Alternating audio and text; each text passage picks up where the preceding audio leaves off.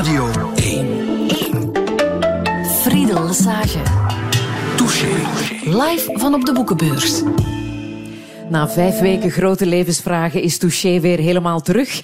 En wel live vanuit de Spiegeltent op de boekenbeurs met een man van 60 jaar. Dames en heren, geef hem een warm applaus.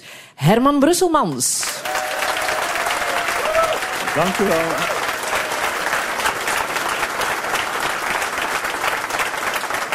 Ondertussen ben je al bijna een maand 60 jaar. Van uh, 9 oktober, ja. Tevreden met uh, je 60ste Die, levensjaar? die eerste maand was fantastisch. Ik had nooit verwacht dat uh, het 60 jaar zo prachtig zou zijn. Geweldig. Wat heb je al gedaan die voorbije weken in je 60ste Geen kloten, levensjaar? niks, niks. Ja, nee, ik, heb, ik, zet gewoon mijn leven voort. Ik schrijf wat, eh, ik, ik ga wat de baan op. Uh, ik amuseer me wel, ja. Ik, uh, ik vind, uh, hoe ouder dat je wordt, hoe beter dat, dat is eigenlijk. Behalve dat je dichter bij de dood komt. Hè. Dus uh, eigenlijk zou een mens heel zijn leven 60 jaar moeten zijn. Ja. Hou zo, hè. hou het even ja, vast, ja. dit momentje. Het is vandaag trouwens ook de dag van Herman Brusselmans hier op de boekenbeurs. Was je je daarvan bewust? Nee, het is echt een Herman Brusselmansdag. Ja, en waaruit bestaat dat? Dat ik het niet weet. Ik vermoed dat dat begint met jou te gast hebben in Touché, hier live op de boekenbeurs. Ja. Ja. Met heel veel volk in uh, de Spiegeltent. Nu, het is, um, het is niet voor niets natuurlijk. Hè. Behalve je 60ste levensjaar zit je ook 35 jaar officieel in het schrijversvak. 30 jaar fulltime. 82 uh, mijn, uh, mijn debuut. Ja. ja, en je hebt ook even geprobeerd onder een schuilnaam Peter van Oostende. Uh, ja, ik heb eens, uh, ja, eigenlijk bij wijze van experiment, toen ik al een aantal boeken had, heb ik eens een boek opgestuurd onder de schuilnaam Peter van Oostende naar tien uitgeverijen. Ja. En die hebben dat alle tien geweigerd. Onder andere mijn eigen uitgeverij. Ja. En toen, Wat was hun argument? Dat te veel op mij leek. En toen ben ik gaan zeggen tegen mijn uitgeverij, ja, die Peter van Oostende, dat ben ik. En toen hebben ze het toch uitgegeven. Ja, dat was het experiment, zo werkt het dan. Hè. Ja, ja. maar zou het ook aan die naam kunnen liggen, Herman? Nee, maar ik had Peter van Oostende, was een maat van mij. Dus uh, natuurlijk, als je een brief opstuurt of een manuscript, moet je ook een naam en een telefoonnummer, dat ze kunnen contacteren natuurlijk. Mm -hmm. Dus die man bestond echt. Dus uh, op bestaat nog echt eigenlijk. Hij is trouwens een tijd lang uh, de man geweest van Barbara Sarafian. Mm -hmm. Maar hij heeft ze buiten gesmeten, want het is een kutwijf, hè? dat weten we ook. Hè? Dus, uh, ja. Zeg, zie jij jezelf nog altijd als mooie jonge oppergod, nee, zoals je jezelf gewoon, destijds hebt omschreven? Gewoon mooie jonge oppergod. Ja, ja, ja. ja, ja. ja. Um, want je, je wilt toch op een of andere manier de perceptie over jezelf corrigeren, liet je me weten. Zullen we dat vandaag doen? Op welke manier wil jij de ja, perceptie het is de zin, over jezelf kijk, de corrigeren? perceptie over mezelf, er zijn verschillende soorten percepties. Hè. Sommige mensen zien mij niet als een echte schrijver, andere mensen wel. Sommigen zien mij echt als een rozelaar, andere mensen ook. Uh, dus uh, er zijn verschillende percepties, hè, Friedel. Ja. Perceptie van de perceptie. Hè? En welke perceptie had jij uh, nee, ik, ik, ik, wil wel, ik wil gewoon van jou weten, hoe zou jij jezelf omschrijven? Maar ik ben gewoon een gast die, die Jan Lul van 13 in een dozijn, die schrijft. Dat is altijd mijn, mijn bottom line. Als, als, als ze vragen, wat, wat, wat doe jij? Uh, ik ben schrijver. Dus ook alles wat ik doe, begint bij het Witte Blad. Uh, Oké, ik doe voetbal en ik doe De Slimste Mens enzovoort. Maar alle teksten die ik, die ik uh, debiteer, komen in feite uit mijn pen. Dus dat is altijd het begin. Het Witte Blad en dan schrijven. Uit onderzoek van de Universiteit Gent blijkt dat je 100% naamsbekendheid hebt. Je bent bekender dan Hugo Claus, William Shakespeare, Tolkien, Dimitri Verhulst.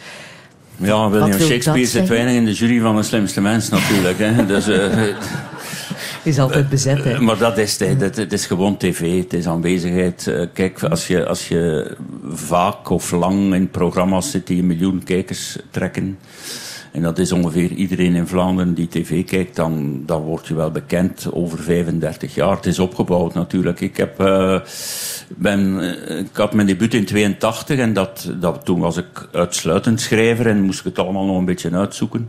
En dan heb ik eigenlijk uh, het geluk gehad, kun je het toch wel noemen, om in het Huis van Wantrouwen te gaan zitten. Sommige mensen, de oudere mensen, zullen dat natuurlijk nog wel kennen. Het was toen een enorme hit, daar keken 2 miljoen mensen naar. Uh, en dan, ja, dan word je bekend. Hè. Ja. Wat is jouw levensmotto, Herman? Mijn levensmotto is rock en roll is dood, maar wij leven nog. ja. Herman, ik heb een generatiegenoot van jou uitgenodigd om jou muzikaal wat op te vrolijken.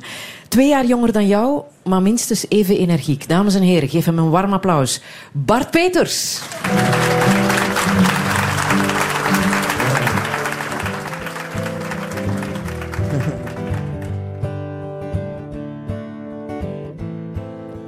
Soms als ik naar huis rijd, in het midden van de nacht, kom ik langs een broodmachine en rem op volle kracht. Ik wil een ramp voorkomen, want er is al stress genoeg. O wonder der techniek, ik koop een brood, brood voor morgen vroeg.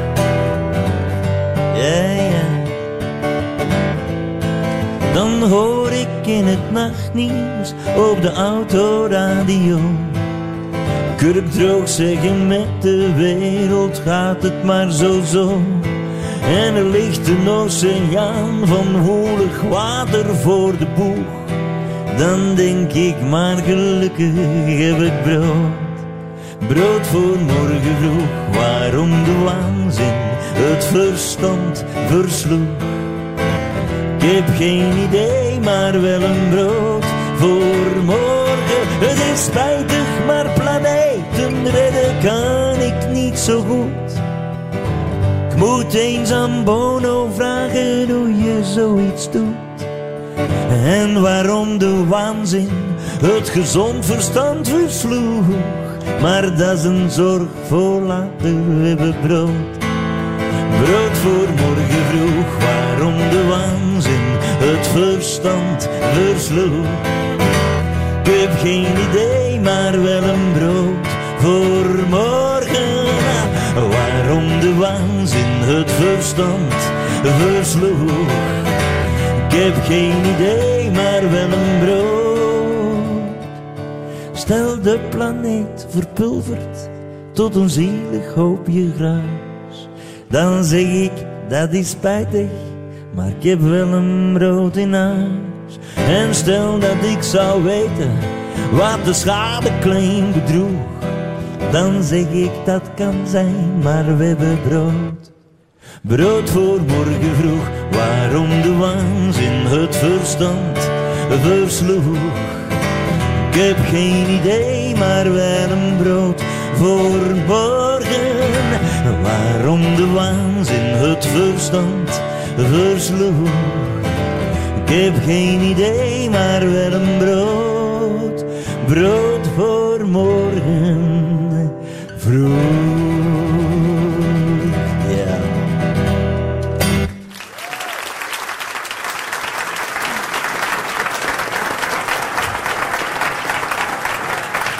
Bart Peters met eh, de titelsong van zijn nieuwe plaat, waarmee hij nu ook aan het toeren is. Brood voor morgen vroeg. Normaal gezien met de zes beste muzikanten van de wereld, maar nu heel exclusief voor ons, helemaal alleen. Het is zondagochtend voor iets, hè Bart. Ehm, Herman, eh, jij bent het feestvarken vandaag, Herman Brusselmans, 60 jaar geworden. Hoe voelt dat echt aan lijf en leden? Maar ik zei het net, ik voel mij, ik voel mij goed. Eh, kijk, het, het, is toch een kwestie op je 60ste, een kwestie van gezondheid in de eerste plaats. Eh, mijn moeder is 61 geworden. Eh, vele vrienden van mij zijn redelijk vroeg gestorven, 50ers, 40ers. En dan mag je blij zijn dat je nog gezond bent, want het, het is het grootste cliché dat er is. Als we maar gezond zijn. Maar het, uh, het, het klopt wel. Uh, van daaruit vertrekt alles. Kijk, alles gaat wel achteruit. Hè. Uh, je, mijn geheugen, ik heb minder drive dan vroeger. Ook lichamelijk, je bent al rapper moe enzovoort. maar ik vind, ik vind, vind het oké. Okay. Okay. Laten we eens teruggaan naar die 9e oktober 57, toen het allemaal gebeurde.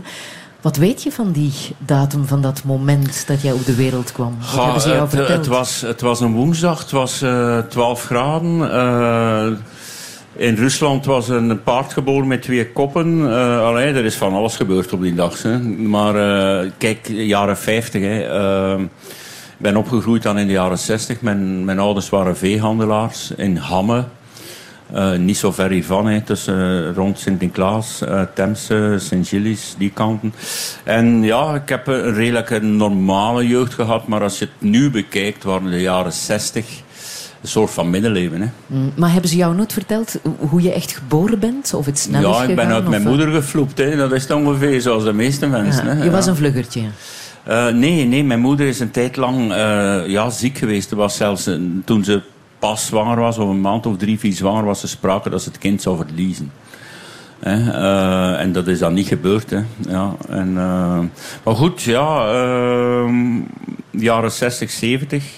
We hebben alles een beetje, mensen die 60 jaar zijn of iets ouder, hebben van veel dingen het begin meegemaakt. Mhm. Eigenlijk alle evoluties in de muziek, eigenlijk vanaf Elvis Presley, de Beatles enzovoort, dat is allemaal in onze tijd gebeurd. De eerste zwart-wit tv, de eerste kleuren-tv, de eerste computer in de jaren 80.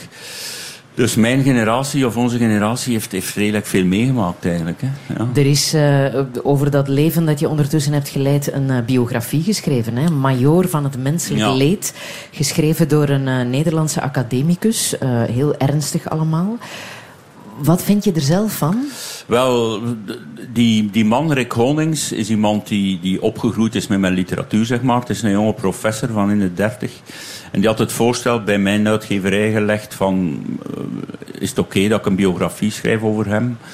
En dat is natuurlijk een biografie uh, bij leven nog. Hè, want de meeste biografieën worden geschreven als, als het leven en het werk afgesloten zijn. Met andere woorden, als iemand dood is. Want het is, het is, ja, het is een vlot leesbare uh, boek over mij. En, en, en mensen die geïnteresseerd zijn in mij of, of in mijn werk zullen daar wel wat aan hebben. Had je er zelf ook iets aan? Heb je iets geleerd over jezelf? Hij, heeft vooral uh, mensen geïnterviewd, dus mijzelf een aantal keer en dan ook uh, mijn ex-vrouw, uh, Wun, allebei, mijn ex-vriendin, mijn vriendin bedoel ik, een aantal mensen rond mij, mijn zus enzovoort. En hij heeft zich daarop gebaseerd. Ik heb een, thuis een archief van, van redelijk grote pla plastic dozen, 70, dat vol zit met, met heel mijn geschiedenis, want ik heb heel lang nu nog eigenlijk alles bijgehouden. Iedere snipper papier, alles wat dat er verschijnt in de krant enzovoort.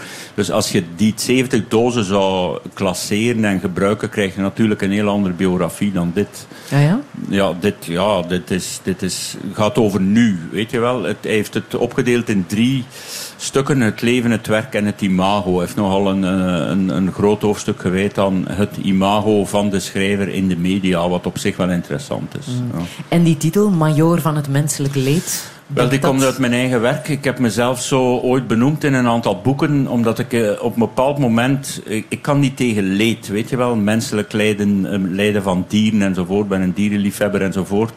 En ik heb me eens een beeld gevormd van dat ik de, de leider was, of de major, zeg maar, de commandant van het commando dat, uh, of het bataljon dat de concentratiekampen bevrijd heeft dat ik zelf het hele leed van de mensheid zou oplossen. Ik heb zo wel iets van, uh, van een soort uh, redder van de mensheid, wat dan natuurlijk onmogelijk is. Hè.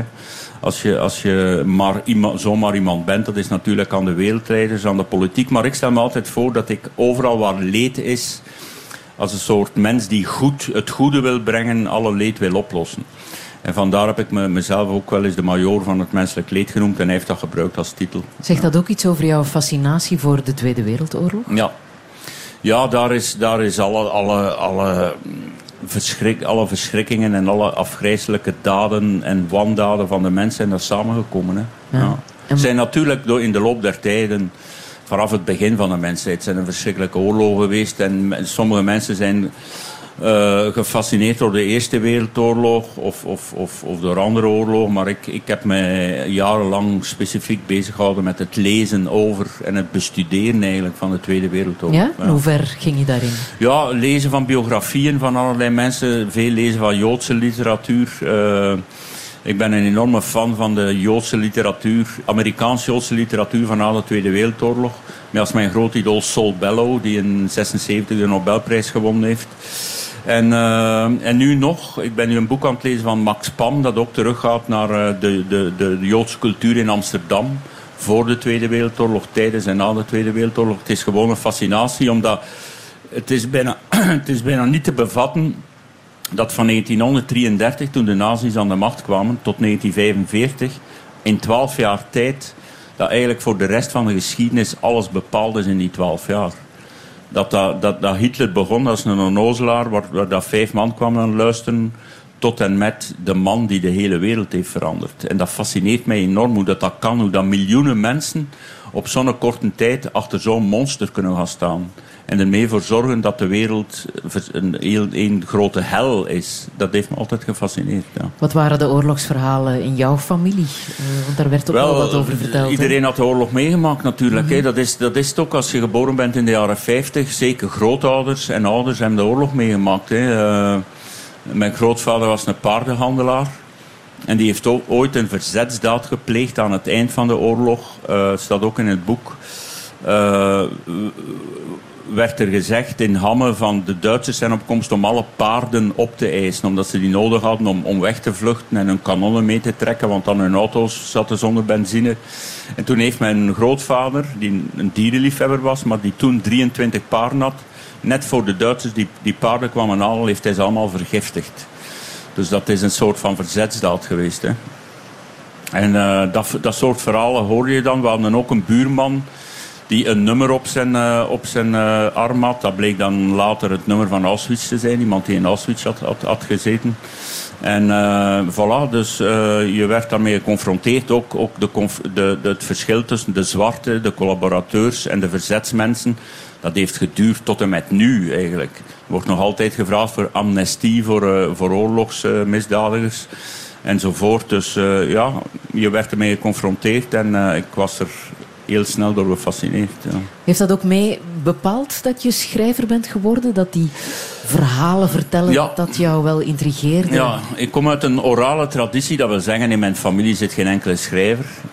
Ze konden mij moeite een naam schrijven, bij wijze van spreken, maar uh, er werd verteld. En bij ons uh, veehandel, paardenhandel. Uh, mijn grootvader en grootmoeder hadden ook een café, paardenhandel en een café. Mm -hmm. En dat zat vol, hè. Het zat, zat vol met, met, met heel vreemde figuren, ook vaak dorpsidioten, zeg maar. En mensen die, die zopen en die, die hun vrouw sloegen en die hun kinderen verwaarlozen. En uh, kortom, zeer boeiende mensen allemaal. En, uh, maar ik kwam ermee in contact en ik kon die vertellen. Dat waren allemaal leugenaars, dat waren stoefers, dat waren overdrijvers. En, en toen dacht ik, dit zijn verhalen. Ja, en dat zat toch al een beetje mij, omdat verder te vertellen of opnieuw te vertellen enzovoort. Ja, daar ligt de kiem van, van de schrijver. En ja. ondertussen zit je 75 boeken ver. Ja. En dat 75ste boek, dat heet Hij schreef te weinig boeken. Ja. Ik dacht dat dat voorbehouden was voor jouw uh, grafsteen. Ja, dat kan nog. Ik heb het ooit verzonnen. Uh, er werd gevraagd, wat moet er op je graf? Hè? En toen heb ik verzonnen, zo uit het, uh, ineens zo, hij schreef te weinig boeken bij wijze van grap, zeg maar. En ik vond het wel een goede titel, zeker voor een 75ste boek. Ja, ja. Maar en... misschien is het ook zo, misschien heb ik te weinig geschreven. 75? Want, ja, dat is, te weinig, dat, dat, is, dat is misschien toch wel te weinig eigenlijk. Uh, Hoezo?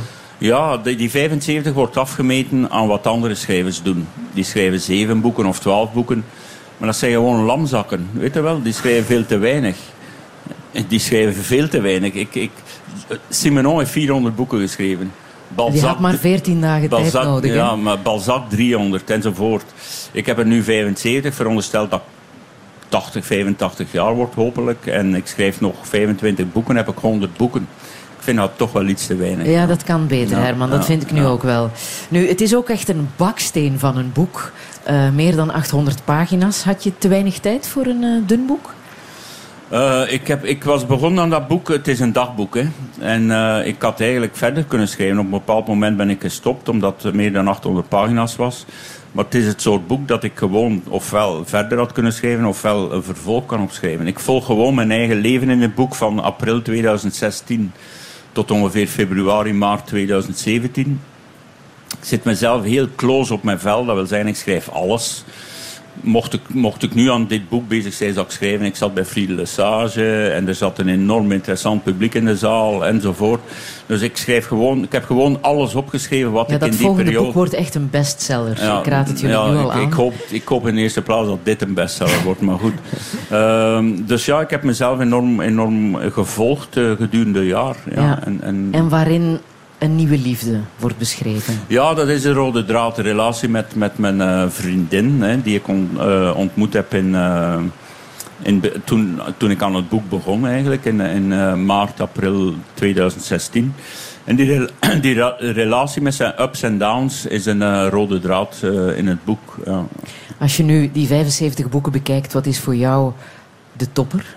Deze. Ja. Ja? Ja, ja, omdat ik eh, geëvolueerd ben als schrijver. En ik vind dan voor mezelf, hè, de andere mensen moeten daar zelf over beslissen, maar voor mezelf dat ik wel beter geworden ben. Dat ik meer métier, meer vakkennis, meer, meer durf ook eh, ontwikkeld heb. En, en dit is ook mijn dikste boek en alles zit erin. Alles wat ik in mij heb als schrijver, zowel de serieuze schrijver als de, de, de, de maker van bullshit, het zit er allemaal in. Weet jij eigenlijk nog waarover die 75 boeken gaan die je ooit hebt geschreven? Ik heb wel je een dat zicht op mijn werk, ja. Ja? Ik heb wel- kijk, als je nu een zin zal citeren en vragen uit welk boek komt, dat, dat zou ik waarschijnlijk niet weten. Maar eh, dat, ik, ik, als je zegt dat boek, waar gaat dat over, dat weet ik nog wel. Ja, En hoe hou jij je eigen werk bij? Heb jij een speciale niet. Brusselmanskast? ja ik heb natuurlijk wel mijn eigen boeken in huis, maar ik lees nooit iets.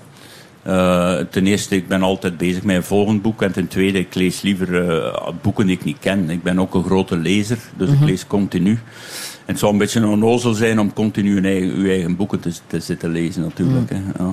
Je bent ook wel een eh, schrijver die goed heeft geboerd, hè? dat mogen we zeggen. Hè? Want ik las dat je zelfs bij de vij- 50 rijkste artiesten van het land staat. Wist je dat? Ja, zelf? de Bart staat er ook in. Hè. Die staat een stuk boven mij, hè, Bart. naar zo'n lijstje. En je Ja, eh, jij werkt via een BVBA, hè? Ik heb een BVBA, laat mij gerust, heet die. En, ehm, Doet de fiscus dat ook? Laat mij gerust. Doet de nee, fiscus ja, dat nee, ook? de fi- kijk, ik, ik, ik doe natuurlijk alles in het wit. Hè. Ik, het is allemaal in opdracht van, van eh, bibliotheken, van, van eh, radiostations, tv-stations, eh, noem maar op, eh, literaire organisaties, eh, de uitgeverij, de humo, alles is in het wit. En ik ben, eh, ja, ik geef de fiscus wat hij vraagt. Hè. Maar Ja. ik heb inderdaad goed geboerd, omdat ik veel gewerkt heb, plus omdat ik eigenlijk weinig opdoe. Ik leef ongelooflijk sober. Met Ikea, hè? Ikea, ja. Ja, ja. Ook in het wit. Een wit bankstel. Ja, ja, maar ik ben ze nu beu. Ik zou eigenlijk, ik zit hier te denken, dit zijn wel mooie zetels. Die van de boekenbeurs. Maar ze gaan zo, je moet zo te veel achteruit leunen. Ja. Je Ze moet eens praten te- met de te- iets te- organisatie of je ze tweedehands kan overnemen. Nee, nee, ik, moet, zeer niet- ja, ik, ga, ik ga ze nieuw kopen, maar niet in het wit, want op wit ziet alles. Hè. Ik zie daar een vlek, ik weet niet wat dat met u is, maar ik zie daar een beetje een vlek. eh. je ziet alles op wit, hè. Friedel. Herman Brusselmans, we zijn hier om jou vandaag heel veel cadeaus te doen. Bijvoorbeeld nog een nummer van Bart Peters. Graag. Bart, wat had je zo in gedachten als cadeau voor, eh, voor Herman? Een liedje over mijn, niet zijn, maar mijn digitaal analfabetisme. analfabetisme. Oké, het is nog vroeg, hè. Het heet De Wifi-song.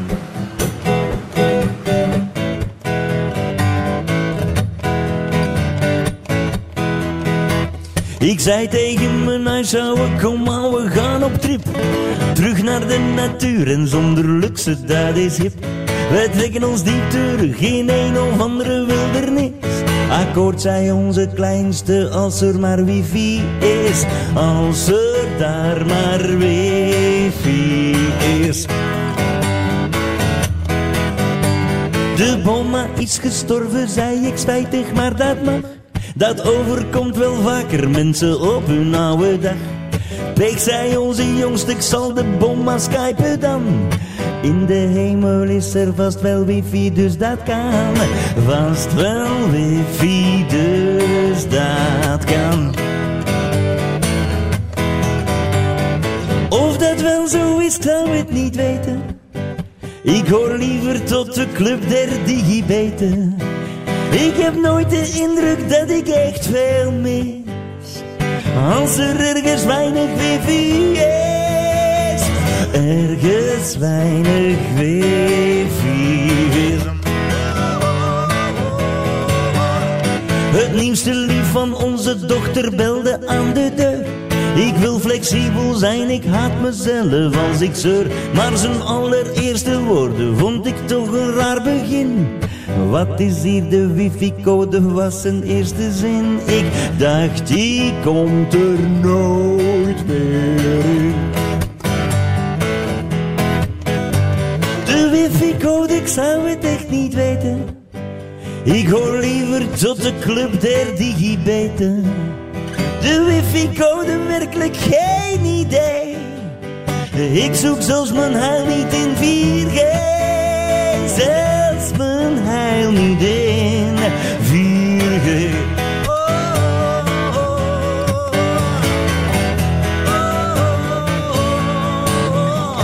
Ons land is klein maar prachtig, maar het wordt spijtig genoeg.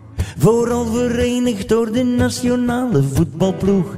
En schieten ze kort daar op het heilig gras. Weet dan zeker dat er daar te weinig wifi was. Veel te weinig wifi, veel te weinig wifi, veel te weinig wifi. Waf!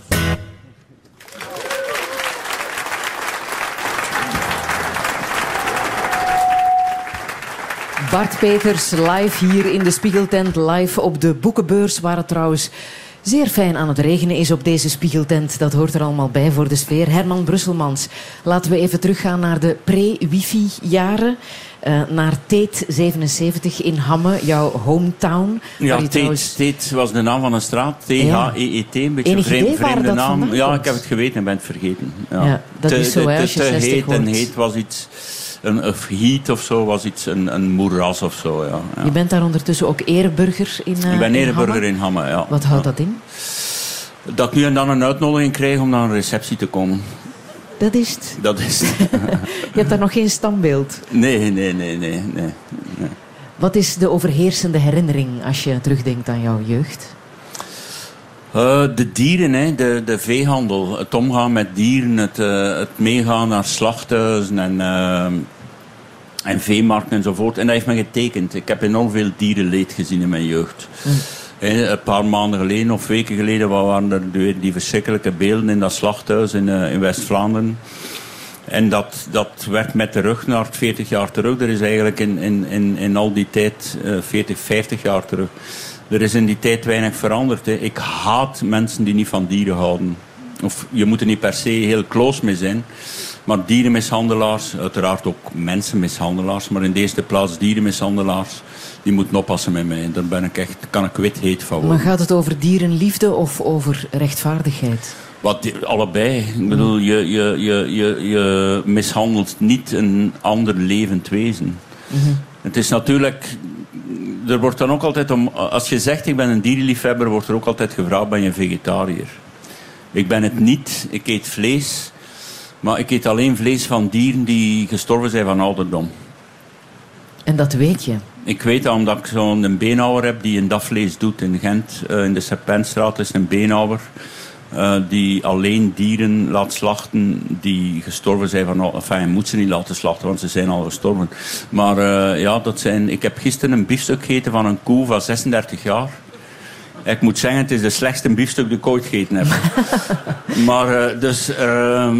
ik hou wel van vlees en zo, maar het is, het is de manier waarop dieren behandeld worden. Maar als en je toen al, in die, ja. in die tijd, was dat verschrikkelijk. Dat was Ja. verschrikkelijk. Ja, Wat heb je zo al gezien en ja meegemaakt? slaan en, en, en, en ja, alles wat je kunt, kunt, kunt bedenken. Dat we dieren in veel te kleine hokken met, in, in vrachtwagens waarin 30 beesten kunnen er 50 op elkaar duwen enzovoort. Verschrikkelijke dingen. Ja. Heb je als kind ook, ja, ben je daarin meegegaan? Want Ja, nee, ja, nee. Ik, ik had alleen maar medelijden met dieren. Maar goed, mijn vader ook niet. Mijn vader was iemand die zijn dieren verzorgde, want dat was zijn koopwaar.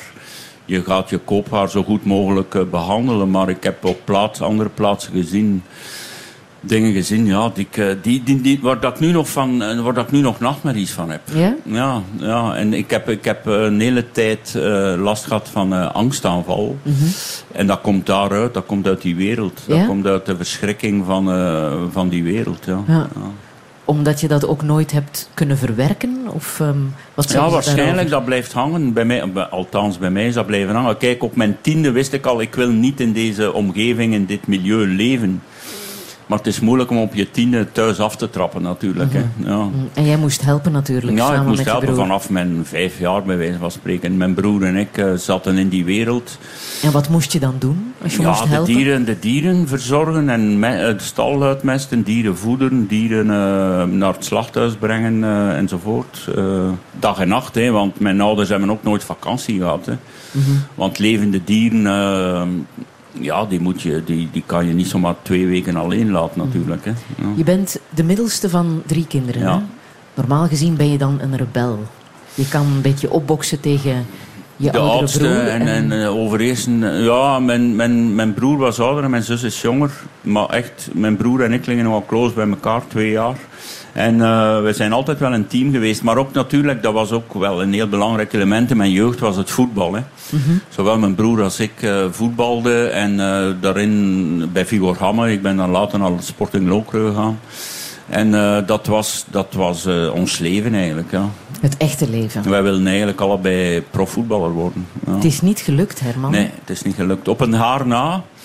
Ik had een, ik had een profcontract voor mijn neus liggen eigenlijk. Of voor de neus van mijn vader. Want ik was toen 16 en eh, de, de vaders of de ouders moesten beslissen. En dat is niet doorgegaan. Dus eh, ik was een van die duizenden jongeren die, dan, die nu nog bestaan. Die net niet profvoetballer worden. Ja. En waarom zag jouw vader dat niet zitten? Wel, dat was ook in die tijd ook al een kwestie van veel minder, dan, veel minder geld dan nu, maar dat was een kwestie van geld. Er, de, er wilden mensen aan het feit dat ik prof werd in het zwart onder tafel geld verdienen.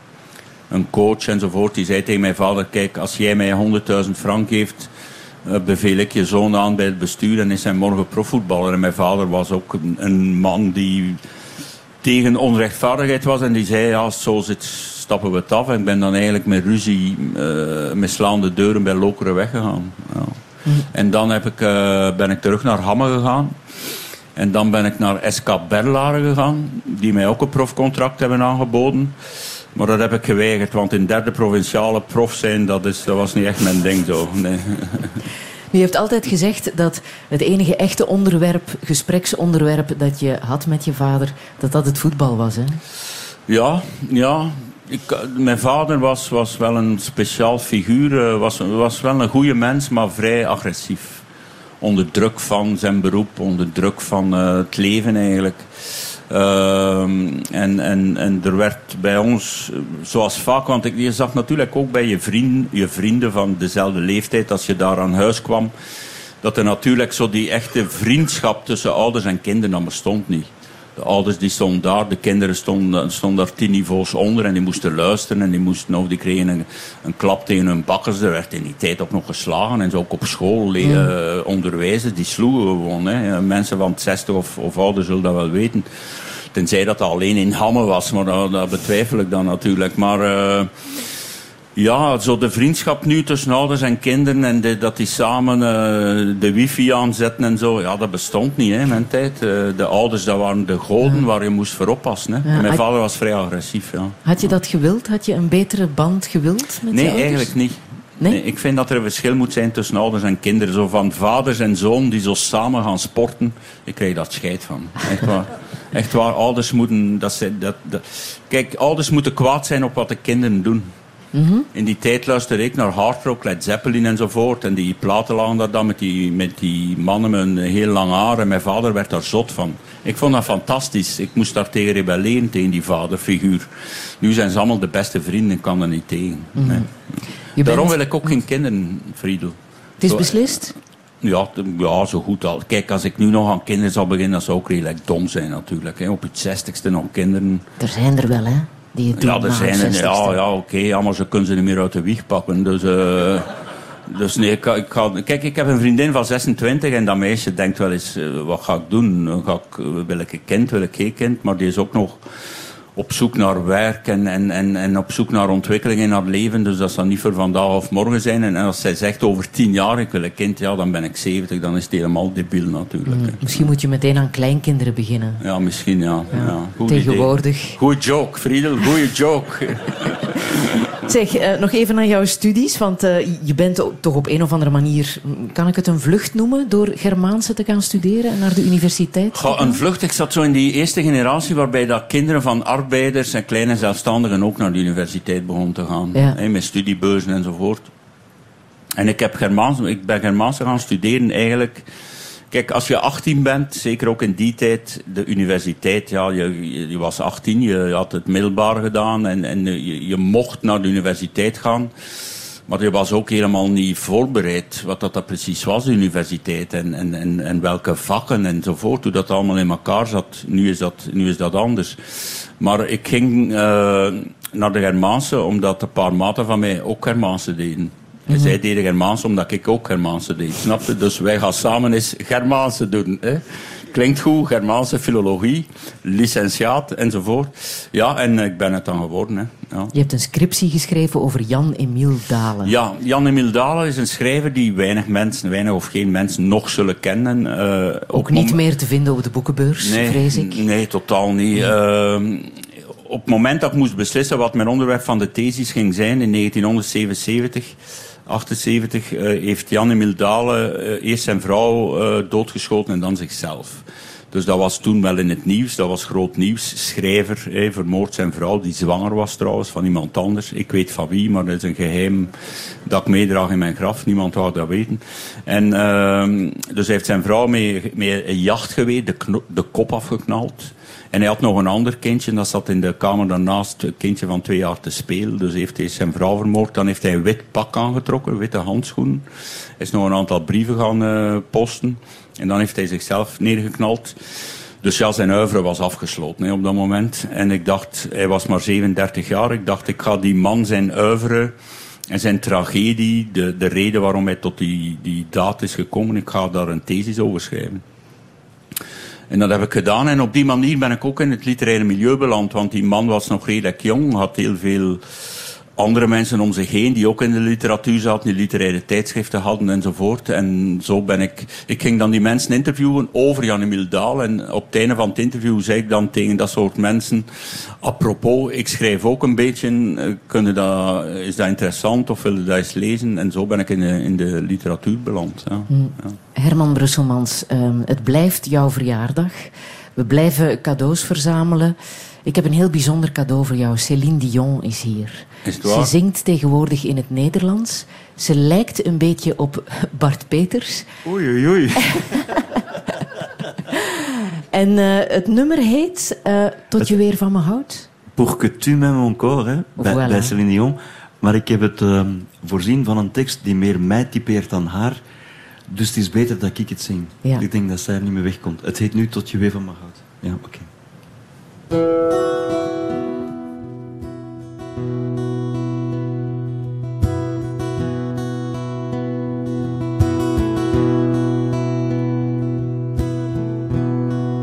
heb al wat je zei in mijn oren geknoopt.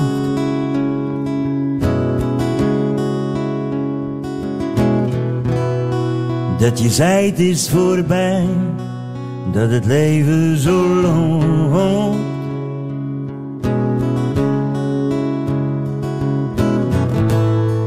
Dat je mij niet meer mist en dat ik moet verstaan dat vroeger vroeger was. Al besef ik dat dus nu maar pas. Dat het nooit meer zal zijn zoals het ooit was. Maar ik wil echt wel dat je weet, dat je weet. Ik rij voor jou naar de maan en parkeer me daar fout. Tot je mij weer ziet staan, tot je weer van me houdt. En ik plak de planeet vol met post-its tot je weet. De planeet laat me koud tot je weer van me houdt. Yeah, yeah, tot je weer van me houdt.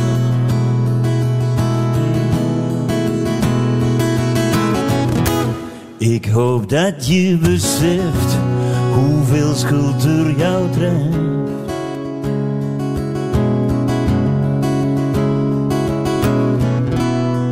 Je was alles voor mij maar dat is dus voorbij.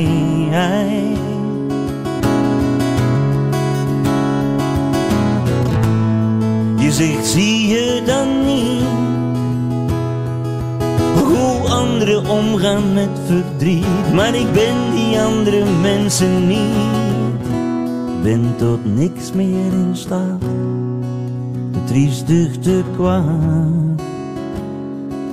Maar ik wil echt wel dat je weet Ik rij voor jou naar de maan En parkeer me daar fout Tot je mij weer ziet staan Tot je weer van me houdt. En ik plak de planeet vol met post-its tot je weet. De planeet laat me koud, tot je weer van me houdt.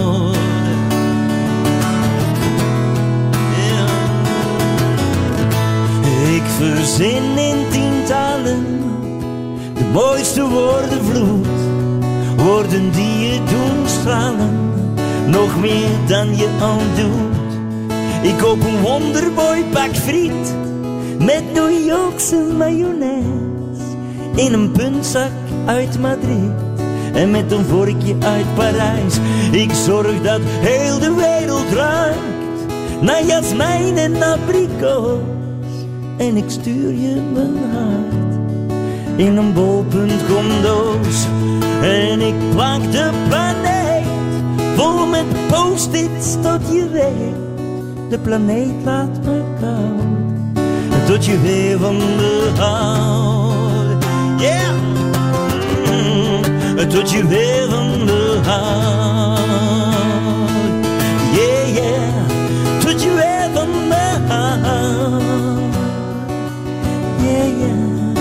Yeah! Tot je weer van me houdt.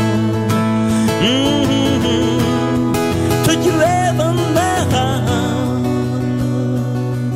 Yeah, yeah! Tot je weer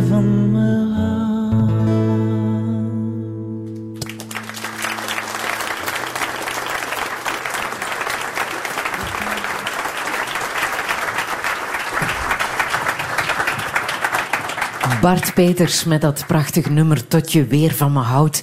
Fijn dat je erbij bent, Bart Peters. Hoe goed ken jij ons feestbeest Herman Brusselmans eigenlijk? Ehm, we, we kennen elkaar een beetje persoonlijk, maar ik, ken hem, ik, ik ben een lezer.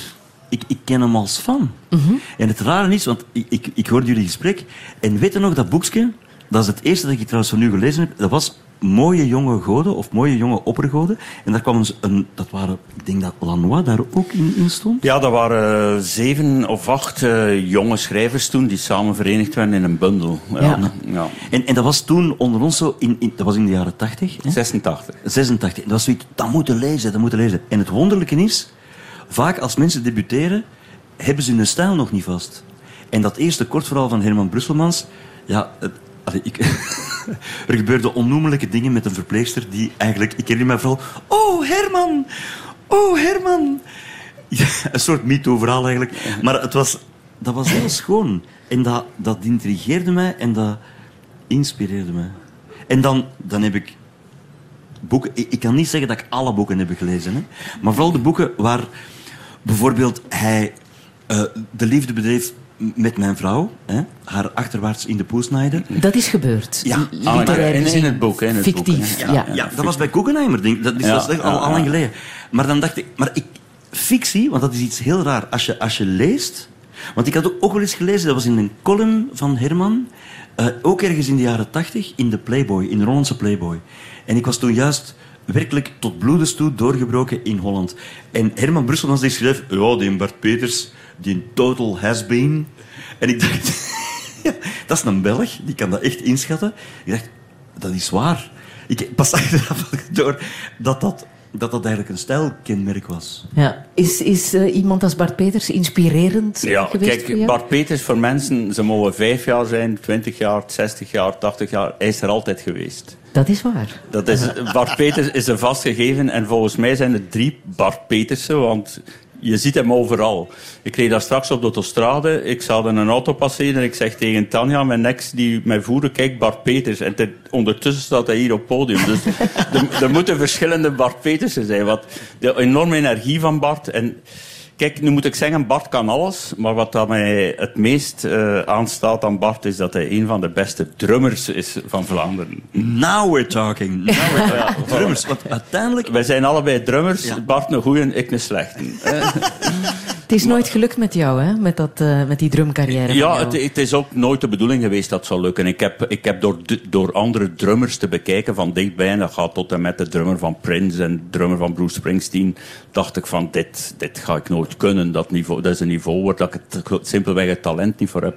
Maar als ik Bart dan eh, zag eh, drummen bij Clement Peres, dat, was, dat is fantastisch. Dat lijkt, dat lijkt simpele muziek, maar iemand die het ook wel eens probeert, die, die, die kijkt ervan op hoe, hoe, hoe goed dat in elkaar zit.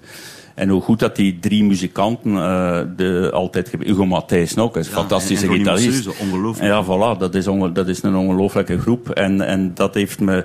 Maar natuurlijk, Bart Peters, de Chopre... Hij, hij is zo'n een, een, een chameleon. Hè. Langs de ene kant heeft hij alles met, dat met het Leugenpaleis en met humor en met satire te maken gehad. Anderzijds presenteert hij ook eh, Eurosong enzovoort. En die verschillende soorten dingen doe ik ook. Ik doe ook zowel... Ik schrijf ernstige literatuur, maar ik doe ook onnozel op tv enzovoort. En, en mensen die, die heel veel werken, zoals Bart die er inderdaad altijd zijn. Die, volgens mij ben je nooit een dag ziek geweest of zo. Ja, maar ik heb dat kunnen... ver- Nu bijvoorbeeld, ik heb een beetje een snotvalling, maar dat doort al niet Ah, wel ja, voilà, dus die er altijd zijn. En, en Bart Peters moet gewoon blijven tot we allemaal dood zijn. Weet je wel? Maar Bart, Herman is ooit begonnen eh, met muziek met een bluesgroepje. Als hij tot, ja, een bluesgroep. misschien lag het ook aan die naam, Asymptoot. Te slim, hè? Dat is een te als, slimme naam. asymptoot is een term uit de wiskunde. hè. Ja, en jij dacht dat is een goede naam voor ja, een maar ik zou het niet echt een bluesgroep noemen. Wij noemden onszelf een bluesgroep. Om, wij wisten niet hoe dat we ons anders moesten noemen. Want wij konden alle drie niet spelen, weet je wel. Dus wij, vonden ook geen zanger. In Hanne was toevallig geen zanger te vinden. En wij speelden dus instrumentaal. The Shadows speelden wij. Maar dat, Dat is- dat is instrumentaal, maar dat is ook ongelooflijk moeilijk. Apache, The ja. Shadows, ja. Apache en FBI en zo. Maar goed, die, die, die eh, fascinatie met, met muzikanten en dan vooral met drummers is er altijd geweest. Ik ben nu begonnen met een nieuw groepje met drie gasten van 20 Ja, jaar. hoe gaat het daarmee ondertussen? Eh, ja, we zijn aan onze eerste repetities bezig en ik moet eerlijk zeggen, het trekt op geen kloten, maar... eh, dus, maar het is amusement. Ja. Ik heb ook een nieuw drumstel gekocht en zo, maar het is amusement. Ja. ja. Uriah Heep, daar was je fan van, hè? Ik daar ben heb een je enorme bijzonder fan van de te zeer foute uh, hardrock, fout, ja. zeer, zeer fout Uriah Heep. Ja. Ja, Ja. Uriah Heep, weet je waar die naam vandaan komt? Kleine Nee, helemaal niet. Herman weet dat. Ja, dat is, een, dat is de naam van een personage in een roman van Dickens. Ja. Charles Dickens. En die gast heet zo. Dat was toen een, een, een, een, een voornaam, die bestond, Uriah. Maar toen ik de eerste platen kocht in Hamme, in de platenwinkel LK, toen eh, zeiden wij allemaal Uriah Heep. En ik, ik had een, een, een, een, eh, hoe heet dat, een fangroep op, eh, hoe heet dat zo? Een, een, een, fan, Fanclub. fanclub opgericht voor Uriah Heep. En we waren met vier, vier leden die om de zes maanden samenkwamen om te praten over Uriah Heep. Het klinkt wel een praatgroep voor mensen met urologische problemen. Klinkt het zo. Uriah Heep, ja. Ja. Daar gaan we het straks nog over hebben, Ja, over dat die urologische problemen. Maar je hebt ook echt wel een, een plaat eh, opgenomen ooit. Alleen heb je... Ik heb een paar cd's, maar met columns, ingesproken columns. Ik heb drie, Dat drie- was dan het alternatief. drie Ik wil een plaat, maar ik zal ze inspreken. Ja, Hans Kusters heeft die uitgegeven. Die, die was nogal zot van mijn gesproken woord, zeg maar. En ik heb met hem drie... eh enfin, nee, één van de VPRO, Val Dood heet die. En dan twee platen met Hans Kusters. Hans Kusters, mens, mensen zullen die misschien kennen als de manager van Clouseau. Die ook de recht heeft op de vogeltjesdans, Bart. En op Verre Grignard. Verre dat is Grignard, ook- ja. eh, de Golden Earring enzovoort, ja. ja. Maar nooit iets echt samen gedaan. Jawel, Bart en twee? Siska. Bart en Siska. Bart en Siska. Dus eh, Bart en eh, Siska Scooters, die eh, hun programma, twee jaar geleden, Bart ondertussen. En daar had ik een, een ges- gesproken column in de vorm van een gedicht, een gebroken lans, waarbij ik een lans brak voor iemand die toen in de actualiteit was of zo. Hè. Maar Bart, kan het nog goed komen met de muzikale carrière van Herman Brusselmans? Maar kan het je probleem, nog is, wat tips is- geven? het probleem is, zijn oeuvre, zijn geschreven oeuvre, en gewoon als, dat is allemaal veel te intelligent. Want er is één epitheton dat hoort, één, één adjectief dat hoort bij een drummer. Ze zeggen bijna altijd de domme drummer. Dus ik was heel mijn, le- nee, heel mijn jeugd de domme drummer van een balorkest. Hè? En, en dan later, ja, nog altijd de domme drummer, dat was dan gespeeld dom bij Clement Peres.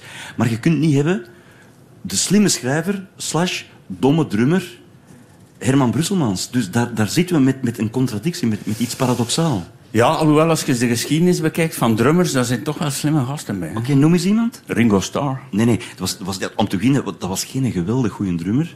En als je nu zijn solowerk... Hè, nee, Zijn solowerk is wat minder, dat is, ja, dat is, ja. maar dat is toch, dat, ja, maar het is pas als een drummer een soloplaat gaat maken, dat hij zijn intelligentie... Nee, er was intelligentie van die drie ander. En hij mocht meedoen. Hè?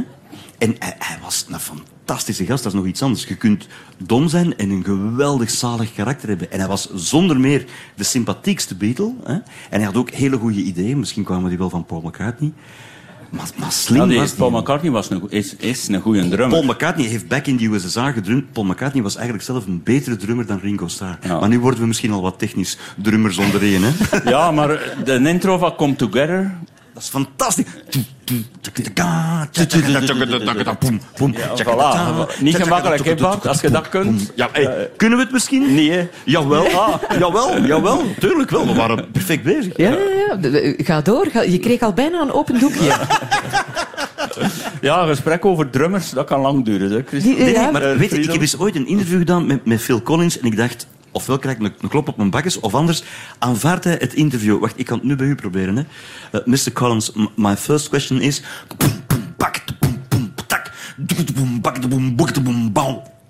Eh, Black Knight van Led Zeppelin. Nee, je moet antwoorden in drumtaal. Ah, nee. dat- Ik deed zomaar. Wacht, ik zal het. Uh, Mr. Brusselmans, my first question is... Boom, chak. Boom, boom, chak. Boom, chak. Boom, boom, chak. Thank you for this interview.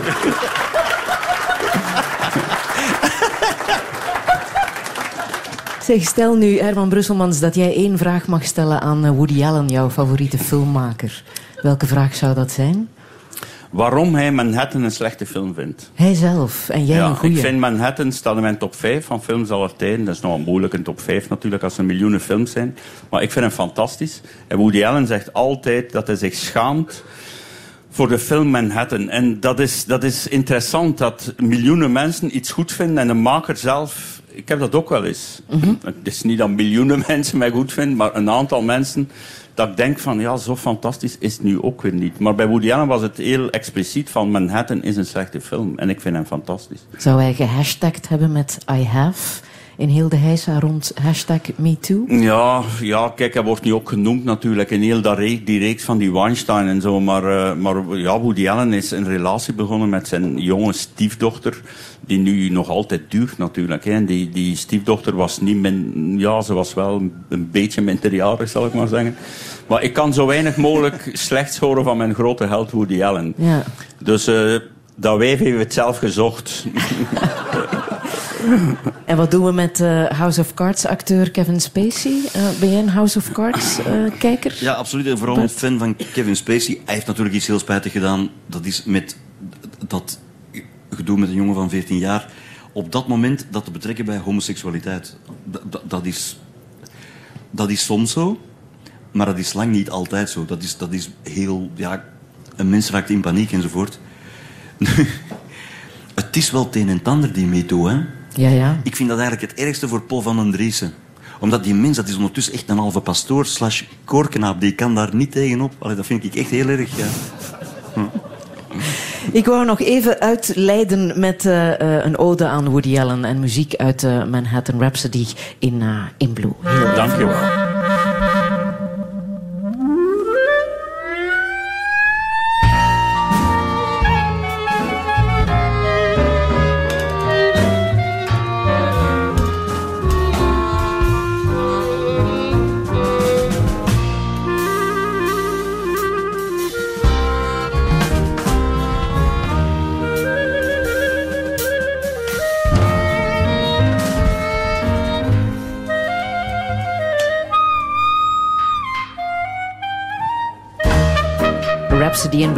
Uit Manhattan van eh, Woody Allen. Zometeen praat ik verder met Herman Brusselmans hier live in de Spiegeltent op de Boekenbeurs. En met muzikale gast Bart Peters. Tot zometeen. Radio 1. Friedel Lesage. Touché. Live van op de Boekenbeurs. We vieren hier live op de Boekenbeurs de 60ste verjaardag van auteur Herman Brusselmans in een volle spiegeltent en met Bart Peters en Hemel. Je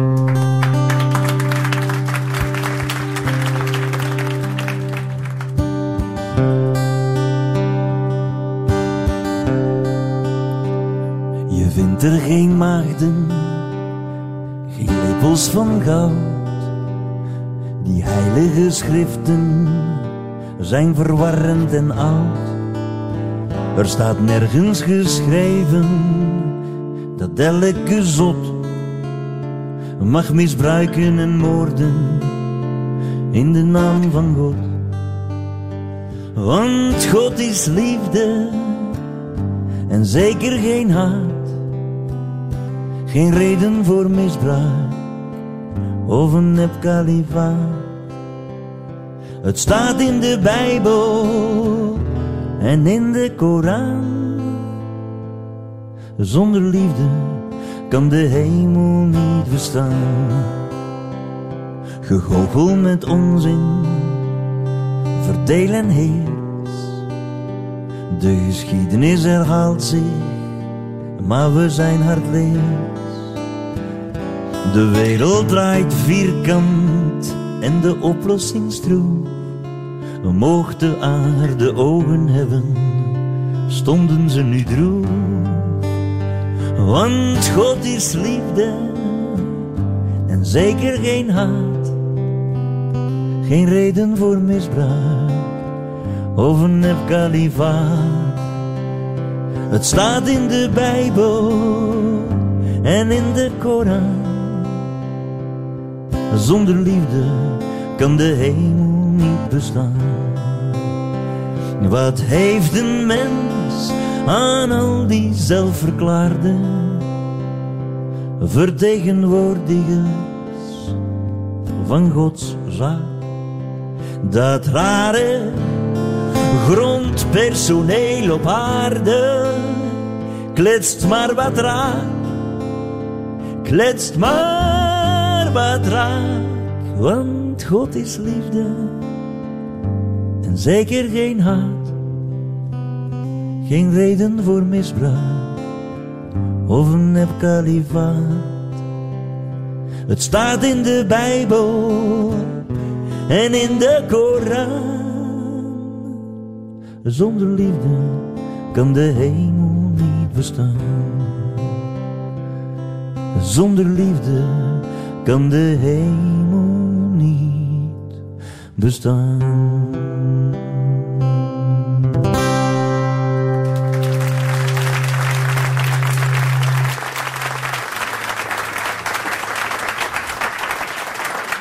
Bart Peters live hier in de Spiegeltent op de boekenbeurs met dat bijzondere nummer Hemel.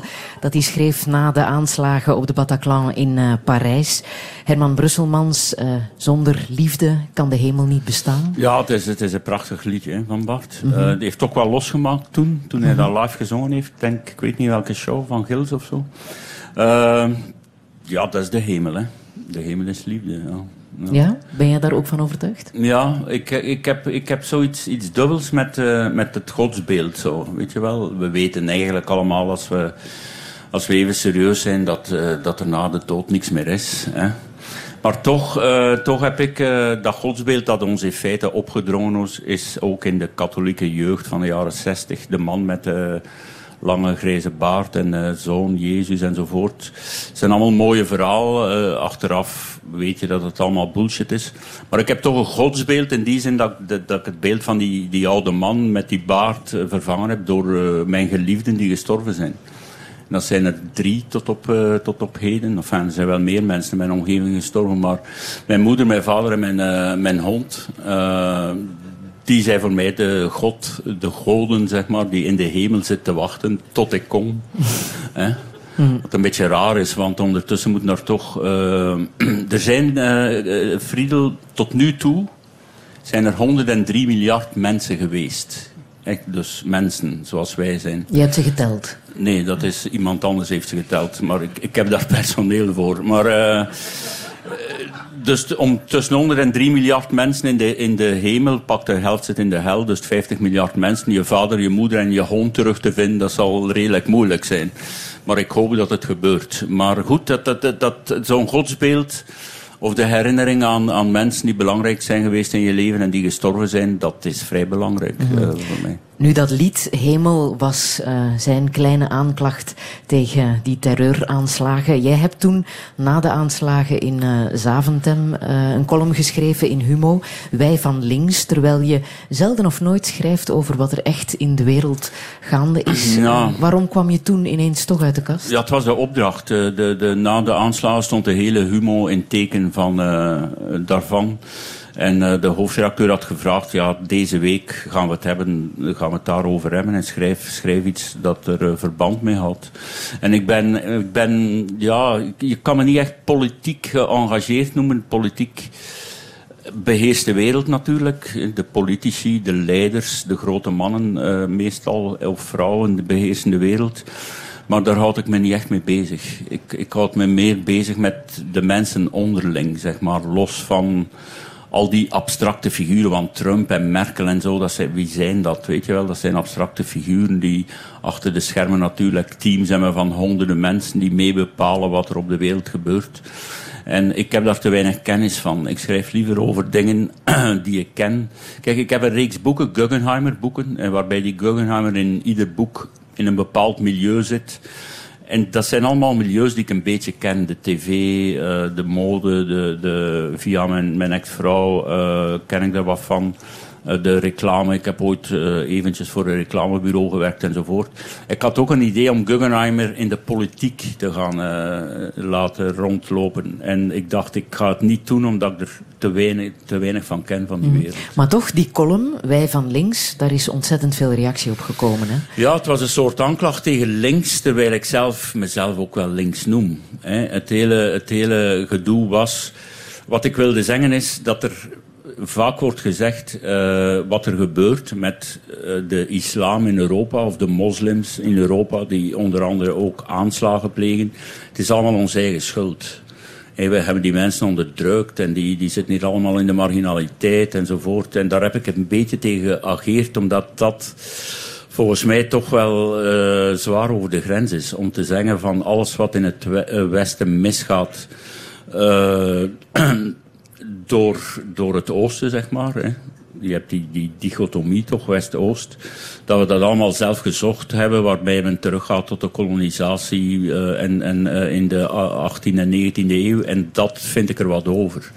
Het is niet mijn schuld, het is niet jouw schuld dat een, een, een moslim zich opblaast in een, uh, in een luchthaven of in een of in een drukke buurt, dat is niet onze schuld. -hmm. Maar door dit allemaal te zeggen en te schrijven, werd je ineens ook heel ernstig genomen.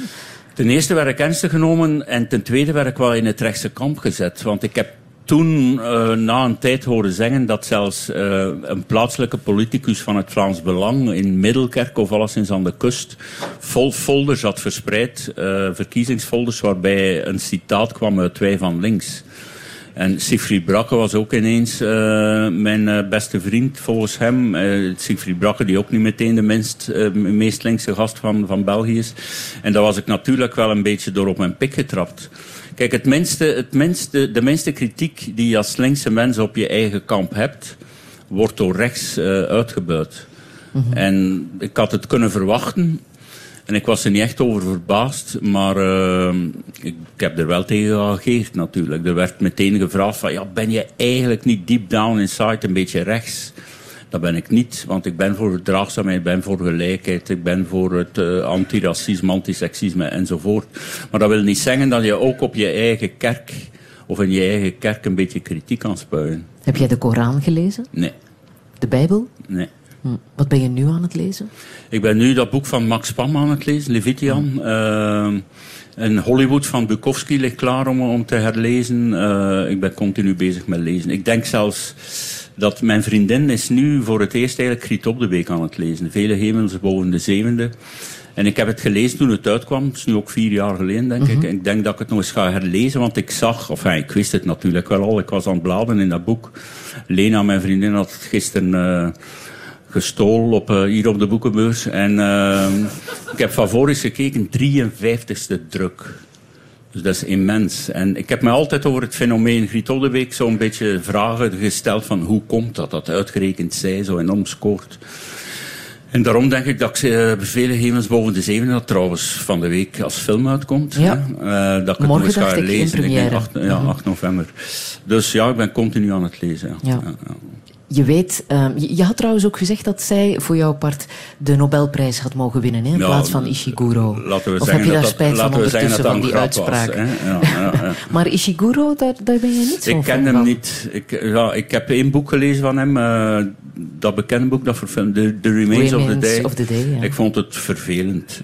En ik heb, ik heb eh, meestal lees ik wel iets van, eh, van Nobelprijswinnaars. Zeker als ik ze niet ken, wil ik ze toch wel leren kennen. Ofwel had ik vroeger wel al iets van hen gelezen. En als je die lijst ziet door de eeuwen heen, zijn er zeer weinig Nobelprijswinnaars die echt de moeite van het lezen waard zijn. Sol Bello is zo iemand, Marquez is zo iemand, Patrick Modiano, die hem twee jaar geleden gekregen heeft, vind ik fantastisch. Maar meestal, ja, het is meestal ook wel een soort van politieke kwestie, weet je wel. eh. en eh, Maurice Maeterlinck heb ik wel gelezen, de enige Belg die hem ooit gewonnen heeft in 1911. En eh, ja, ik lees ze wel, maar vaak denk ik van, als deze de Nobelprijs kan winnen, kan Griet op de Week hem ook winnen. Ja. En jij ook. ja, Welke prijs zou jij echt willen winnen? Want over die literaire prijzen, daar is ook veel over gezegd geweest. Hè? 75 boeken en die literaire ja, geen prijzen enkele blijven literaire altijd prijs. maar uit. Ja, maar het is wat het is.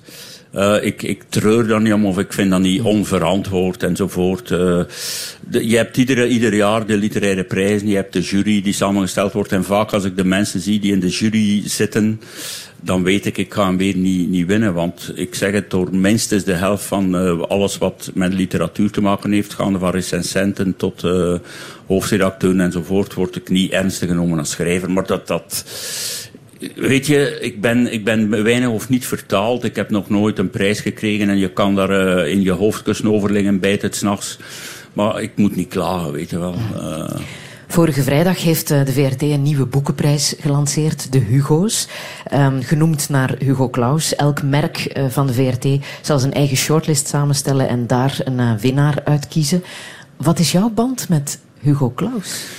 Wel, ik heb altijd ongelooflijk eh, opgekeken naar Hugo Claus. Dat was toen, toen bestond dat eigenlijk nog. Hugo Claus was een god. Dat was de Hugo Claus en ik heb hem ontmoet. Een paar keer, maar eh, bij literaire toestanden, literaire festivals en zo. En dat was Hugo Claus vaak in het eh, bijzijn van Harry Mulisch, de Nederlandse god. en toen was ik twintiger, dertiger en ik durfde gewoon niet goeiedag zeggen tegen Hugo Claus. Dat was de Hugo Claus. En, eh, en later ook nooit eh, in eh, een de, gesprek de laatste jaren van zijn, van zijn leven heb ik hem niet meer ontmoet. Mhm. Maar goed, dat, ik, ik heb altijd wel, ben altijd wel geporteerd geweest van mythes. Dat zijn mensen die ons allen een beetje overstijgen, weet je wel. En maar de mythes zijn een beetje uitgestorven. Met mythes bedoel ik mensen zoals Michael Jackson en zo, weet je wel. Die zijn van een andere planeet. En hier in Vlaanderen vond ik Hugo Claus van een andere planeet. Nochtans, weet je wat je met het werk van Hugo Claus hebt gedaan in eh, De Man die werk vond? Tenminste, het was eh, de bibliothecaris Louis Tinner. Wat heeft hij gedaan? Ja, bladzijden uitgescheurd of, of gespuwd in een boek. eh, En in de papierbak gegooid. Ja.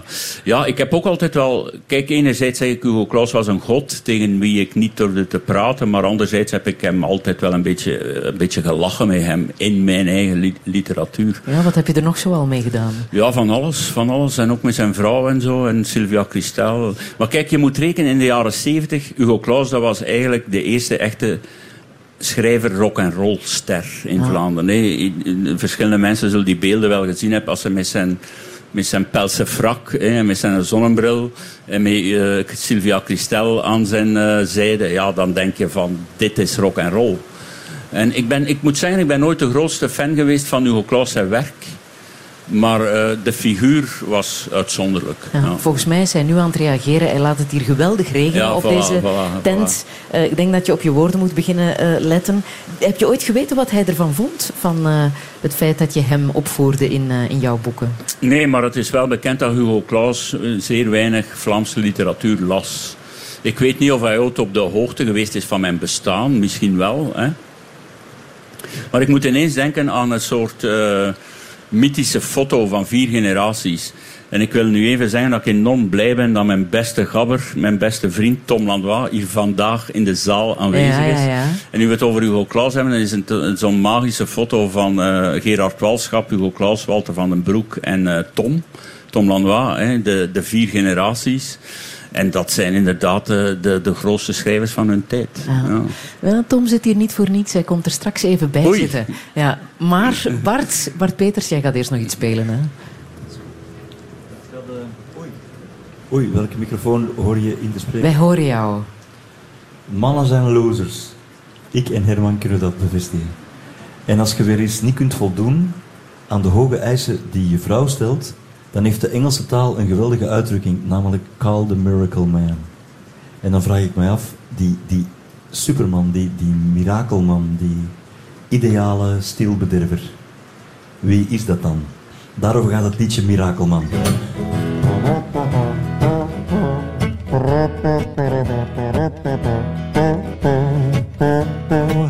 Wil je een man die je nooit zal vervelen? Droom je van een coolere echtgenoot? Bel naar Stam van Samang. Bel naar Stam van Samang. Bel naar Stam van Samang. Bel naar Stam van Samang. Zo een die liedjes van Christophe kan kwelen. En met zijn dwars door de damkring schoot. Bel naar Stam van Samang. Bel naar Stam van Samang. Bel naar Stam van Samang. Bel naar Stam van Samang. Ik weet het, Stan is superman. Ik weet, je wordt er vloeibaar van. Wees niet bang. Bel Stan van Samang.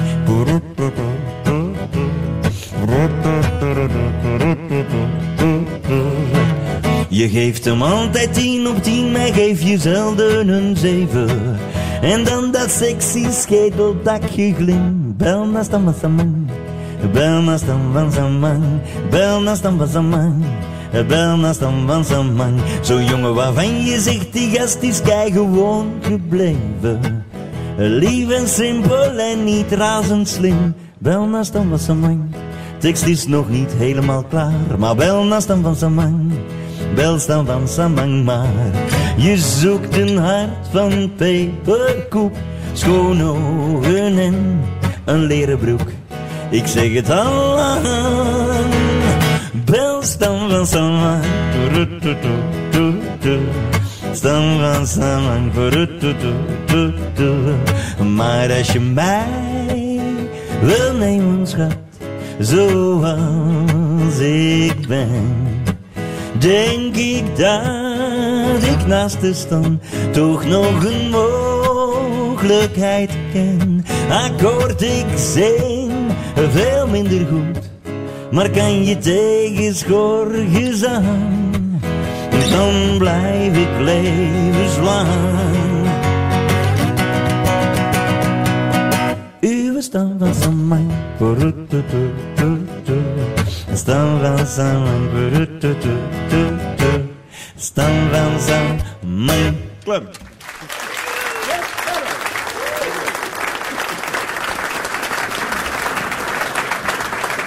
De mirakelman van Bart Peters die heet Stan van Samang. Nu, ik heb gebeld naar Stan van Samang, maar het was bezet. Dus ehm, heb ik maar naar die andere mooie jonge god gebeld. En dat is Tom Lanois.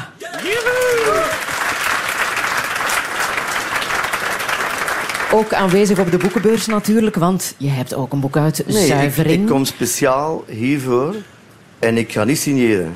Kom Fantastisch. alleen, je eh, komt voor alleen voor ons en voor Herman Ja, Brusselmans niet voor jullie, voor Herman. De jarige, de Ja. jarige. Wat weet je nog van jullie eerste ontmoeting?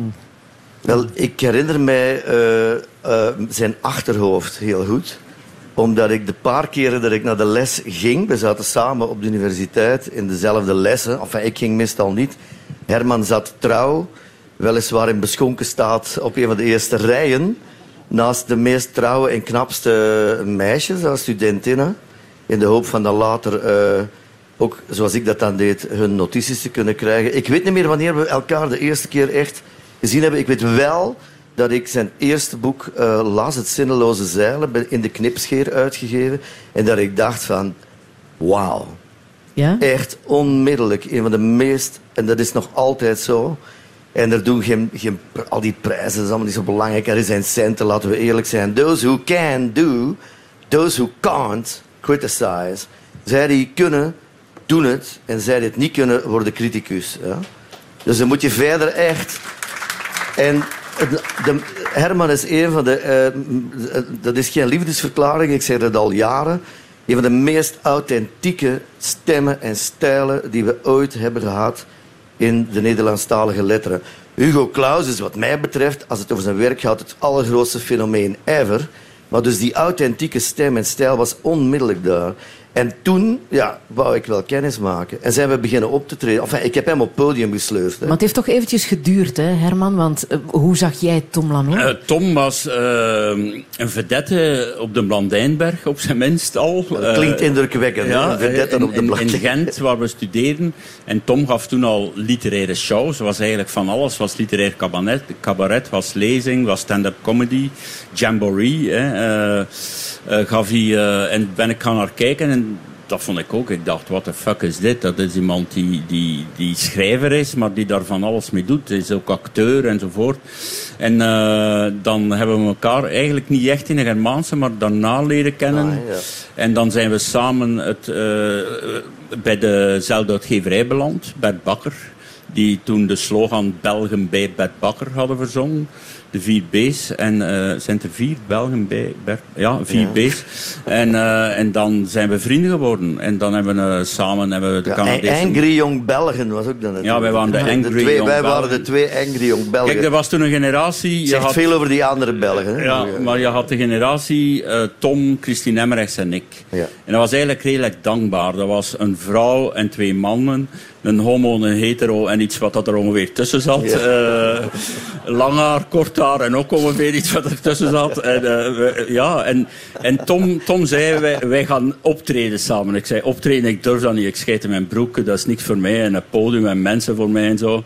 Maar Tom heeft me letterlijk bij dat lang haar dan eh, op podia gesleurd. Maar dat was, toen in, dat was toen in literaire cafés, in de Chacos in Gent en zo. Waar ik dan het Dat was een café. Je moest eerst door een ander café en dan kwam je in de chacos. Dat was heel handig. Twee cafés die Ja. achter elkaar lagen. Ja. En zoals ik voorspeld en voorzien en gedacht had, Herman begint te lezen en in het stokstijf van de zenuwen, maar dat marcheerde ongelooflijk. Het was ook de tijd, dat is een heel beroemde bloemlezing eigenlijk, Mooie Jonge Goden, waar hij de titel van bedacht. Ik vond die eigenlijk niks, die titel.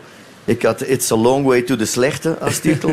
Eh, die werd afgewezen door de uitgever uit angst, neem ik aan. Eh, maar daar stond een verhaal in, en dat las hij voor van, van wat was het, een Chez gynaecoloog. chez deux amours. Ja, met, Ja. met mevrouw van Herrewegen. De dochter wanneer- van- van Harrewegen, ja. Harrewegen, ja, whatever. Ja. Dus iedereen lag... Dus je, je voelde ook dat die stijl en dat soort van...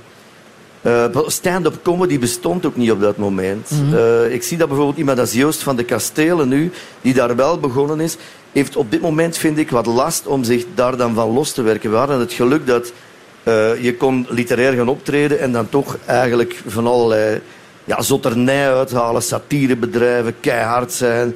Maar dat, dat, dat zat nog altijd binnen de literatuur. Nu is het zo heel erg opgedeeld en dat is niet zo goed. Ik spreek over de midden jaren tachtig. hè. Dat waren Ja. de jaren die jullie onveilig aan het maken waren.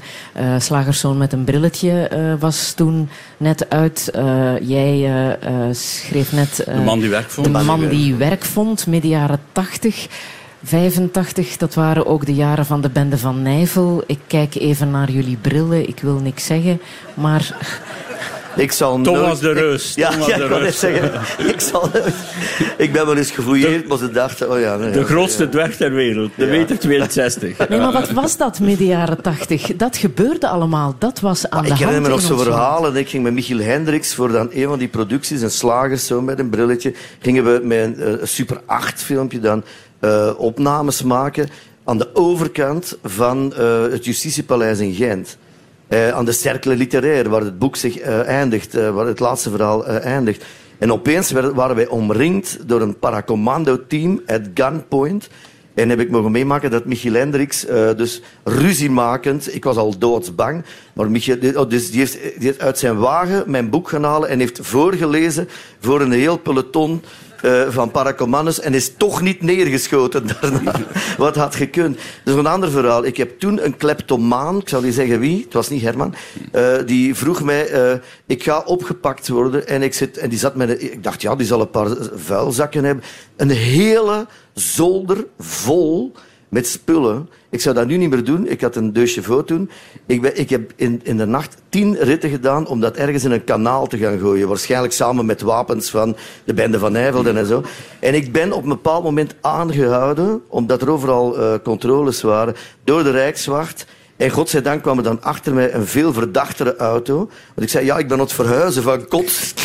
een hele auto vol met gestolen fotocopieerapparaten. En, uh, echt ongelooflijk. Dus dat was voor mij die tijd ook redelijk rock en roll al wel. Ja, Benne van Eyvel, rock en roll.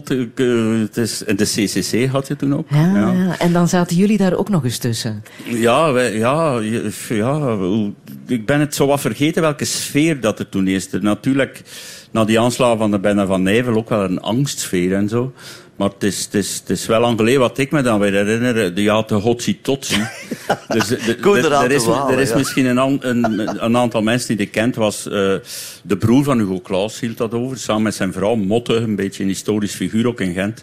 En je had toen de aanslag van de CCC. En in, de, in Gent had je Koenraad de Walen. Dat is een, een zeer goede dichter. Maar die een beetje kiriwiet was eigenlijk. En in eigen beheer ook uit. Ja, in eigen beheer uitgaf. En die ging in de Hotsi Totsi zijn gedichten voorlezen aan de mensen, tafel per tafel. En iedereen zei op een duur tegen shit, Koenraad de Waal is ja, daar, uh, fuck off, Koenraad. Dus niemand luisterde, de muziek niemand werd luider gedraaid. Okay. Hè, ja. Maar in de buurt van Otsitotsi is zo'n witte auto geparkeerd waarvan men dacht dat hij iets te maken had ja. met de CCC. Dat is een ministerie van Financiën, dat was het. En alles werd, be werd bewaakt. Dus, in de Hotsitotsi... Er komt een, een peloton rijkswachters binnen...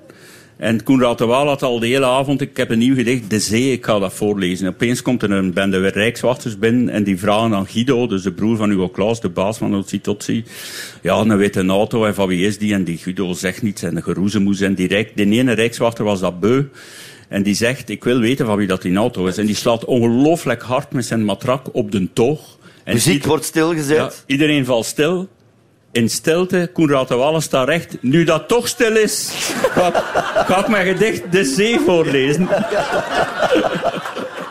En toch ook niet neergeschoten, hè? Ja, echt waar. Ja.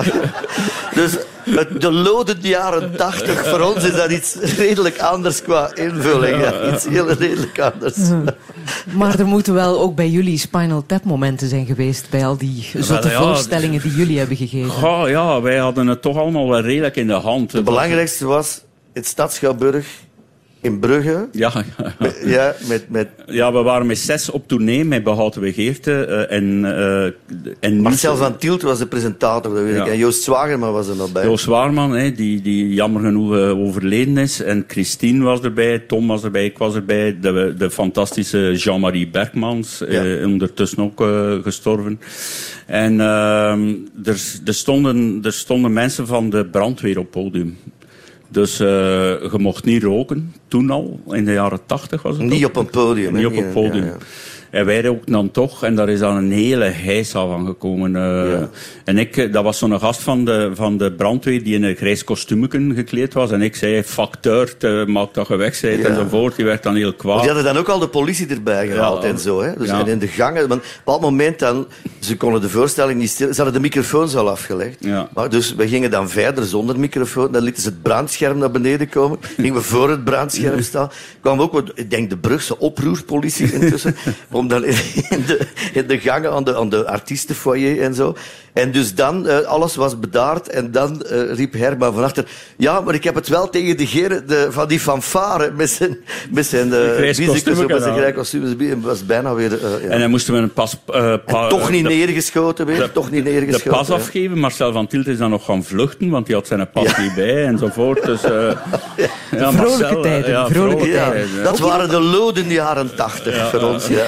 Ook samen de boekenbeurs behoorlijk onveilig gemaakt. Hè? Er is ja, een... weet je, door ons is er het een en het ander veranderd op de boekenbeurs. uh, uh, vro vroeger uh, werd dat omgeroepen. Door, er zat een vrouw in een hokje aan het begin van, de, van de, het gebouw hier en die riep dan om.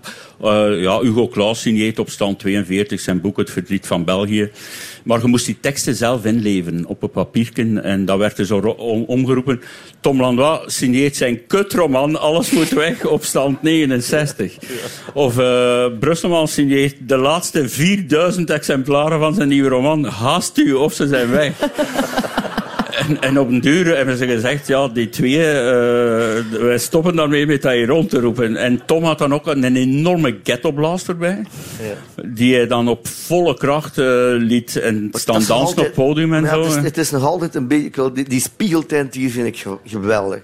Maar voor de rest is het altijd nog een beetje saai op die boekenbeurs. Ik heb nog altijd bepaald, we hebben deze uitgezocht. Ik vind eigenlijk dat Herman zou moeten een speciale stand hebben voor hem. Waar hij dus op een Harley Davidson achter een bureau zit. en waarbij als konijn verklede jonge dames hè, de mensen uh, uitnodigen om een boek te kopen van hem. En dus eigenlijk is er veel meer door te doen. Op dit moment is het alleen... ik ben al beu om te zeggen, liever geen selfies, ik laat het dan... Uh, maar dat is eigenlijk de grootste creatieve daad, meestal op de boekenbeurs, is dat je dus een selfie neemt. Ik vind dat elke auteur, de thriller-auteur, er mogen er toch een paar neergeschoten worden ieder jaar. Dus, uh, dus we zijn toch... Hè, koks gewoon weg. Met mijn grote, mijn grote, als ik echt geld nodig heb, dan ga ik uh, een kruising tussen een thriller en een kookboek schrijven, waarbij dus televisiekoks uh, serieel worden afgemaakt en bereid daarna. Hè. En dat je dus die bereidingen ook kunt namaken. Het zou toch geweldig zijn? Eerst Jeroen Meus en dan Pascal Nases en ja. zo. Dat kan toch geweldig goede gerechten opleveren. Duizend eruit op een bedje van kutvocht van Pascal Nasus.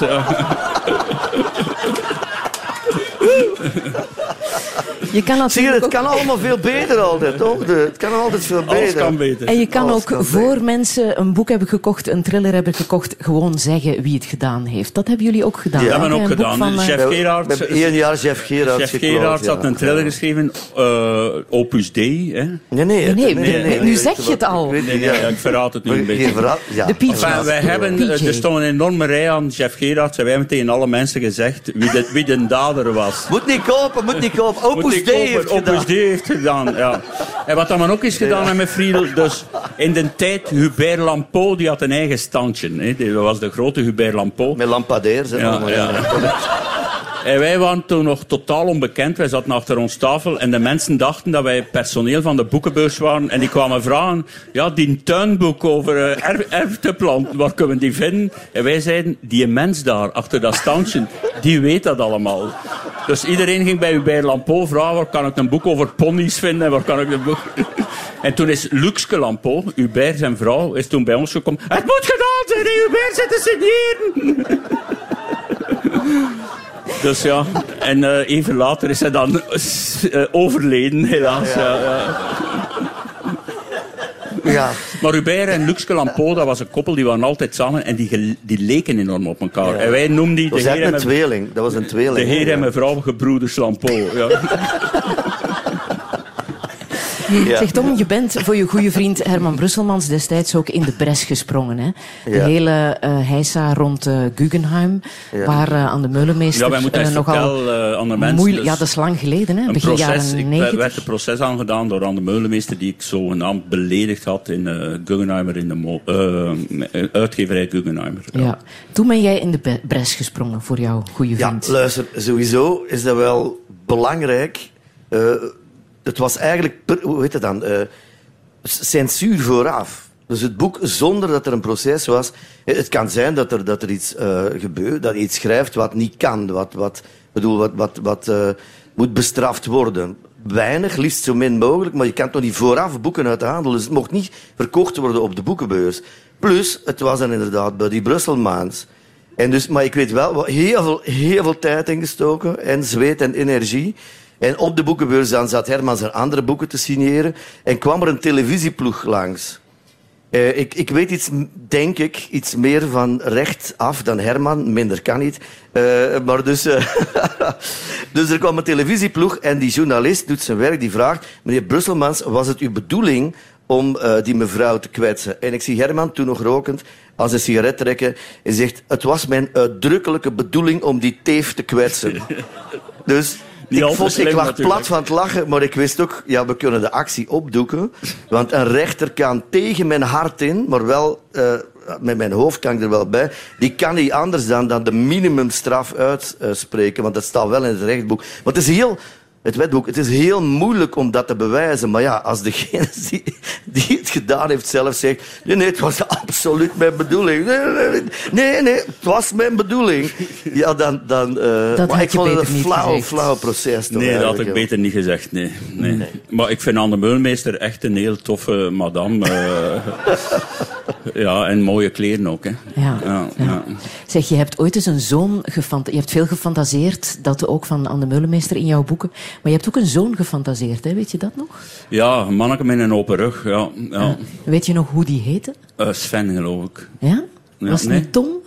Nee, Sven. Dat was Ja, onze zeker? Sven, ja. Ik dacht nu... En die had een open rug, wat dat wel tof is in de zomer, hè, als het warm is. Maar in de winter is dat natuurlijk... wel- maar eh, Sven, dat was onze Sven. Ja, Ja, ja, Ik dacht dat het Tom was. Nee, Genoemd nee. naar Tom Lanois, maar zo ver ga je niet. Nee, maar het is wel zo. eh, we hebben het er straks gehad over eventueel eh, nog een kind. Mocht er een kind komen en het is een jongen, dan is het een Tom.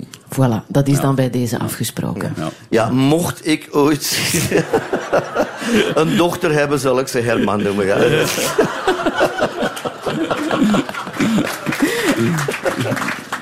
Zullen we dit eh, vrolijke moment nog even bijsturen Verstoren. met een, eh, een fantastisch nummer van eh, Bart Peters. Het heet smartphone.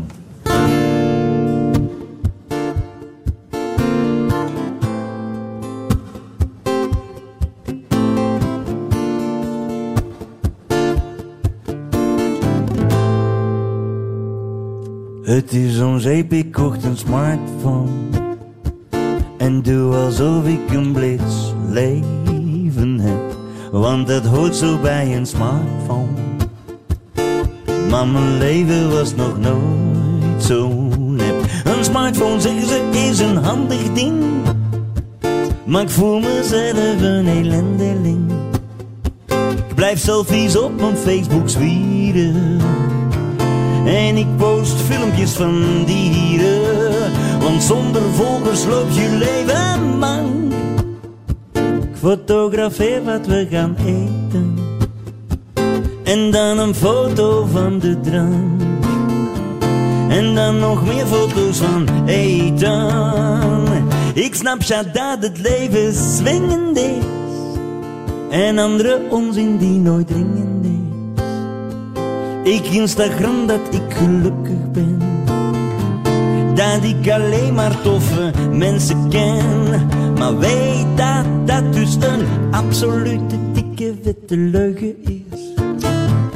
Dat ik de telefoons van vroeger mis. Telefoons waren zware apparatuur. Hingen vast, puur natuur, met dikke draden aan de muur. Het is om zeep, ik kocht een smartphone. Doe alsof ik een blitz leven heb. Want dat hoort zo bij een smartphone. Maar mijn leven was nog nooit zo nep. Ik weet ondertussen ook wat Tinder is. Je leeftijd vormt daar echt geen hindernis. Op Tinder wordt gelogen en verdraaid. Hopende dat je niet wordt weggeswiped. Waardoor je plotsklaps aan het skypen bent. Met iemand die je dus totaal niet kent. Ik had niet door dat het een del was. Ze vroeg me of ik Bart Kael was. Het is om zeep, een smartphone. En doe alsof ik een blitz leven heb. Want dat hoort zo bij een smartphone. Want het geluk dat is gewoon een app.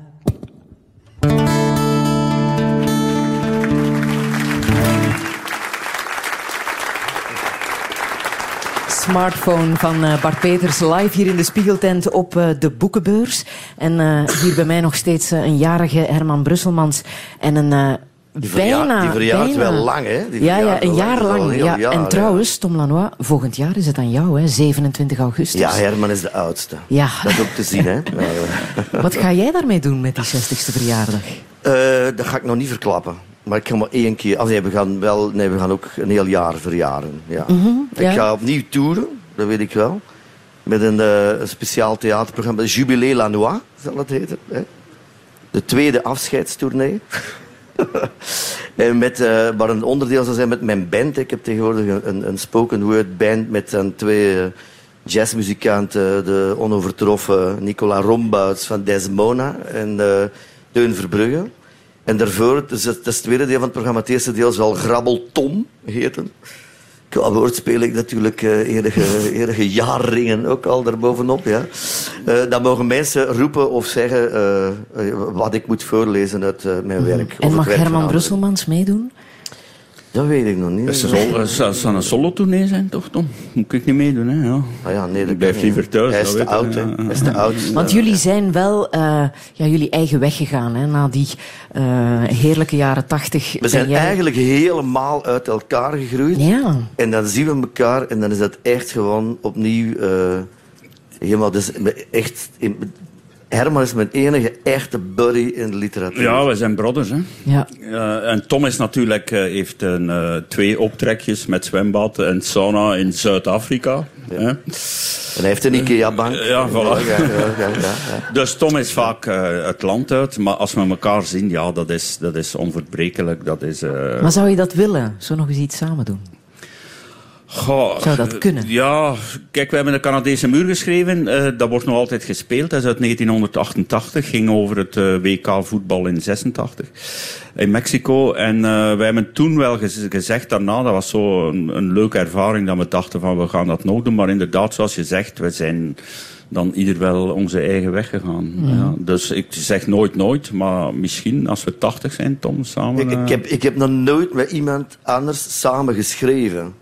Dat is echt veel. ja, dat is bijzonder, met Herman samen zit. schrijven. Ja. Dat is... ehm, we, we zijn allebei toch niet echt, eh, al zijn we zogenaamd linkse denkers, collectivistisch ingesteld qua samen aan tafel. Maar dat kan wel.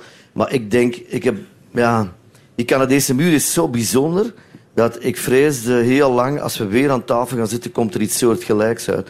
En dat is iets wat ik, wat ik juist niet wil. We hebben, wij hebben gebrainstormd na de Canadese muur. En ik herinner mij dat er, dat er e- op een bepaald moment een, een idee was zo, dat Tom zei, weet je, als we nu eens iets doen, eh, iets met auto's. En eh, toen zaten we te brainstormen over de titel en dat werd dan iets met auto's. Verder hadden we Dus we nog dat niks, wel, omdat maar, het zo fantastisch was. Ik heb met de pletter gelachen. De helft van de jokes hebben we nooit gebruikt. Omdat die dan niet paste in het, in het ding. Eh, hij zegt altijd van... eh, dat hij dicteerde en ik tikte. Dat was ook juist, dat klopt helemaal. Eh, maar dus de, ik zei dan van, ja, maar dat kunnen we niet gebruiken, dat kunnen we niet gebruiken. Dus het was wel heel tof, redelijk tijdrovend wel. maar het- ik ben altijd zo bang dat als je dat opnieuw doet, dat je een, iets wat goed is, die Canadese muur. Ik heb dat nu onlangs weer gezien. Dat, is, dat wordt veel gespeeld in liefhebbertoneel. U weet, mijn moeder was een geweldige amateur, amateuractrice, dus ik vind dat geweldig. Toneelstukken krijgen daar een, een, een tweede, derde, honderdste leven. Ehm, en, maar ik ben zo bang dat dan juist dat specifieke, dat je dat kapot maakt door dat opnieuw te doen. Dus, maar misschien dient er zich wel eens iets aan dat we dat opnieuw doen. Maar dat moet dan iets anders zijn, vind ik. Ja. Voilà, dat is dan afgesproken. En dan moet hij naar Zuid-Afrika komen. Oei. Ja. Zou dat lukken? Ja, het verste, is- ja. Het, het verste dat ik eh, ongeveer kom de laatste tijd is de Bondelhemstraat in Gent. Dat is drie straten verder dan mijn eigen straat. Ja, ik ben zo geen reiziger, hè, vriend. Nee, hè? Nee, Hoe nee. Die, komt dat ton, toch? ton springt op een vliegtuig en de 14 uur, of hoe lang is het naar Zuid-Afrika?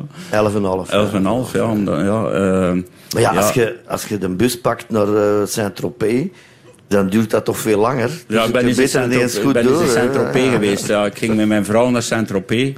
Voor vijf dagen en twee dag zaten we naar terug op het terras in Gent, want het was het regenen in Saint-Tropez. dus dat Maar we hebben eens ooit, eh, en dat is niet eens zo lang geleden, eh enfin, opeens he- belt Herman mij. Dat is al, hè, dat gebeurt niet veel, terwijl we eh, toch veel contact hebben. Maar dus, hij kwam winkelen in Antwerpen. Dus, en of we daarna iets konden eten. Dus ik heb heel mijn week omgegooid om die dag vrij te maken en dan te gaan eten in een heel lekker restaurant eh, op, de, op de Keizerlei. En dan waren daar ineens plannen. Herman zou, behalve weer kinderen maken, eh, ik weet niet wat die, die hetero's, wat die ook hebben met zich voortplanten, eh, altijd. Eh, maar ook, hij ging naar, naar Manhattan wonen. Zes maanden. Ja, ik ging zes maanden naar Manhattan wonen. En dan heb ik beloofd, als je dat doet, René was erbij, zei onmiddellijk, als je dat doet, dan gaan wij drie maanden ook in New York wonen, weliswaar aan de andere kant van de stad, dat we niet elkaar heel de tijd moeten zien, maar dat zou, ik zou dat geweldig vinden. En ik denk dat je dan... Wat een ja, idee. Maar ik zou heel graag naar New York gaan, maar ik heb dus ja, vliegangst. Hè. Ik, vind, ik vind zes uur eh, vliegen of, eh, of langer of zo, ik kan me dat niet voorstellen dat ik dat doe. Ik ben echt wel een broekscheiter hè, voor alles en En je kan daar ook geen sigaretjes roken hè, op dat vliegtuig. Ja, ik ben nu zo goed als gestopt met roken. Hè. Echt waar? Ja, ik ben van 40 naar eh, drie of vier gegaan per dag. En die heb je zo net opgerookt, volgens Ja. mij, tijdens het nieuws Eentje, van 12 ja, uur. ja. Maar het is nu een speciale dag. De rook, het schijnt dat de rookdag is vandaag, dus ik ga, ik ga er een paar meer roken dan toch. Ja. Nee, maar is dat toch om langer te kunnen leven? Ja, mijn vriendin die zegt, ja, je bent, eh, je bent niet van de jongste. Ik wil je zo lang mogelijk bij mij, dus je moet eh, zo gezond mogelijk eten en drinken en, eh, en niet roken en zo. Hè. Eh, Dat dus, stoppen met drinken heb je jaren geleden al In gedaan. 93, hè, ja. Ja, en dat ging makkelijk. Ja, toch niet makkelijk, hè, Friedel. Ik Nee? heb toch wel zes weken enorm afgezien. Ja. Enorme ja, afkikverschijnsel langs Ja. alle kanten. Maar sindsdien toch echt wel geen glas meer. Ik heb nog één keer gezondigd. Ik heb in 94 dan, toen was dat, die drang naar drank was er toen nog wel. En toen heb ik een doos Moncheries opgegeten. 22 Moncheries. En daar was ik redelijk serieus zat van, moet ik zeggen. Toen wist ik niet meer van, welke parochie dat was. Maar 22 Moncheries zijn er een paar te veel. Daar moet je mee oppassen. Ja, Maar die sigaretten, ga je echt ooit ja helemaal vier. Stoppen? Nu nog vier. En ja, Ja. oké, dat vind ik zo goed als stoppen natuurlijk. Ja, hè. ja. Ja. En, en zijn er dan afkijk, afkikverschijnselen? Ja, die enorme drang daarna. Is, ik, vind, ik vind roken... Enfin, ik heb nooit drugs eh, gebruikt, dus ik kan het moeilijk zeggen over cocaïne of heroïne of zo. Maar als ik het vergelijk met drank, vind ik roken een zwaardere verslaving dan, dan drinken. Is het waar dat jij jouw vader op zijn sterfbed zelfs nog jointjes hebt leren roken? Ja, niet op zijn sterfbed. eh, want ja, toen was hij niet echt meer in, in vorm om eh jointjes te roken. Maar in, in de weken daarvoor, eh, om de pijn te verlichten, eh, Tanja en ik hadden gezegd... Ja, hij was altijd enorm tegen drugs. Maar wij hadden gezegd van, nee, joints, rook, dat is, dat is goed. Wij gingen iedere zondag en we deden hem op een zondag tien joints mee. En we zeiden, ja, iedere dag eentje en zo. Dan de volgende zondag, eh, zondag brengen we anderen mee. En de dinsdagmiddag belde hij al, breng nog eens wat van die rare sigaretten. maar hij zat dus in een tehuis. en op een bepaald moment komen we daartoe op de parking en komt een vrouw naar ons. Ja, zei jij de zoon van Guus Brusselmans? Ja. Mijn moeder, die is 96, die zit in de kamer daarnaast. En uw vader zit altijd maar van die sigaretten te roken en met de deur open. En mijn moeder is helemaal high aan het worden. een mens van 96. Dus, en toen heb ik gezegd, pa, eh, je moet hier stoppen met te roken in uw kamer. En dan heeft hij gezegd, kust mijn kloten. En is, is hij verder gaan roken. Dus het cynisme van de man die niks meer te verliezen heeft, dat vond ik eigenlijk wel fantastisch. Ja. Hoe zie jij jezelf oud worden? Eh, ja, weer hetzelfde in goede gezondheid. Hè. Ik, eh, ik, hoop zo, ja, ik hoop zo 80, 90 te worden of zo. Ja. Ik, wil, ik wil eigenlijk wel zo lang, zo lang mogelijk leven. In het leven wel oké eigenlijk. En ja. bang voor de dood? Niet meer, niet meer. Want we moeten het toch allemaal, we moeten allemaal sterven. En ik- er zijn zoveel mensen van 60 of jonger. Die sterven, maar het hangt natuurlijk af van de omstandigheden. Ik, ja, weet je wel, de, de vraag is altijd hoe zou de liefst sterven? Met Knal tegen een boom en dood of, of, of, of nog afscheid kunnen nemen en ziek zijn. Dat ziek zijn, dat, dat, dat zou ik toch wel niet leuk vinden, vind ik. ja. Maar jouw ideale dood, hoe mag die eruit zien? Als ik eh 95 ben, met mijn motto tegen 250 eh, tegen de Sint-Baafskerk te pletten rijden. Zoiets, weet je wel. Ja. En hoe zou je dan herinnerd willen worden? Als een gast die met 250 per uur op zijn 95 tegen een kerk gereden is. Tom, kan jij wat helpen? Want ongetwijfeld word jij dan gebeld. Jij bent dan nog maar 94. Ja. Ja. En wat zeg jij dan? Hij pakt niet op, hij is op tournee. Hè. Ik zal aan mijn secretaresse vragen om de schade te betalen van de kerk. Dan, hè, dat het hersteld wordt. Ik weet het niet. Dan, eh, daar denk ik niet zo over. Dat, dat, dat zou mij heel erg aangrijpen. Eén, vanwege die vriendschap. En twee, ja, We zijn echt een, een belangrijk meubelstuk ook in elkaars leven. Een steunbeer in elkaars leven. Zo samen begonnen. Dat betekent echt... Het afscheid van Gerrit Komrij bijvoorbeeld, die een goede vriend was, die ik veel gezien heb en, en dat heeft mij heel erg aangegrepen. Gek genoeg, ik had dat niet verwacht, Jan Wouters, die... die uh, die, we zaten samen in, in de, bij, bij Fara in in een tv-uitzending. En uh, die, is dan, ja, die is dan neergevallen met een hartinfarct en kort daarna uh, is die gestorven. Ik, zag die, ik heb die leren kennen in Zuid-Afrika pas goed. Dat heeft me enorm aangegrepen, omdat dat de band was met mijn vader. Want mijn vader luisterde altijd naar Jan Wouters op zijn, op zijn transistorradiootje. En dus ik denk dat um, dat zou een enorm harde klap zijn. Mm. Dus ik wacht maar tot jullie, 95. Ja, ik wens jullie nog een bijzonder lang leven toe en wil jullie hartelijk bedanken. Herman Brusselmans, Tom Lanois, Bart Peters uiteraard ook. En jullie, het aandachtige publiek van eh, Radio 1. Alle info kan je zo meteen nalezen op onze website. En zo meteen is er een heel bijzondere bonus. Dank je wel om hier te zijn.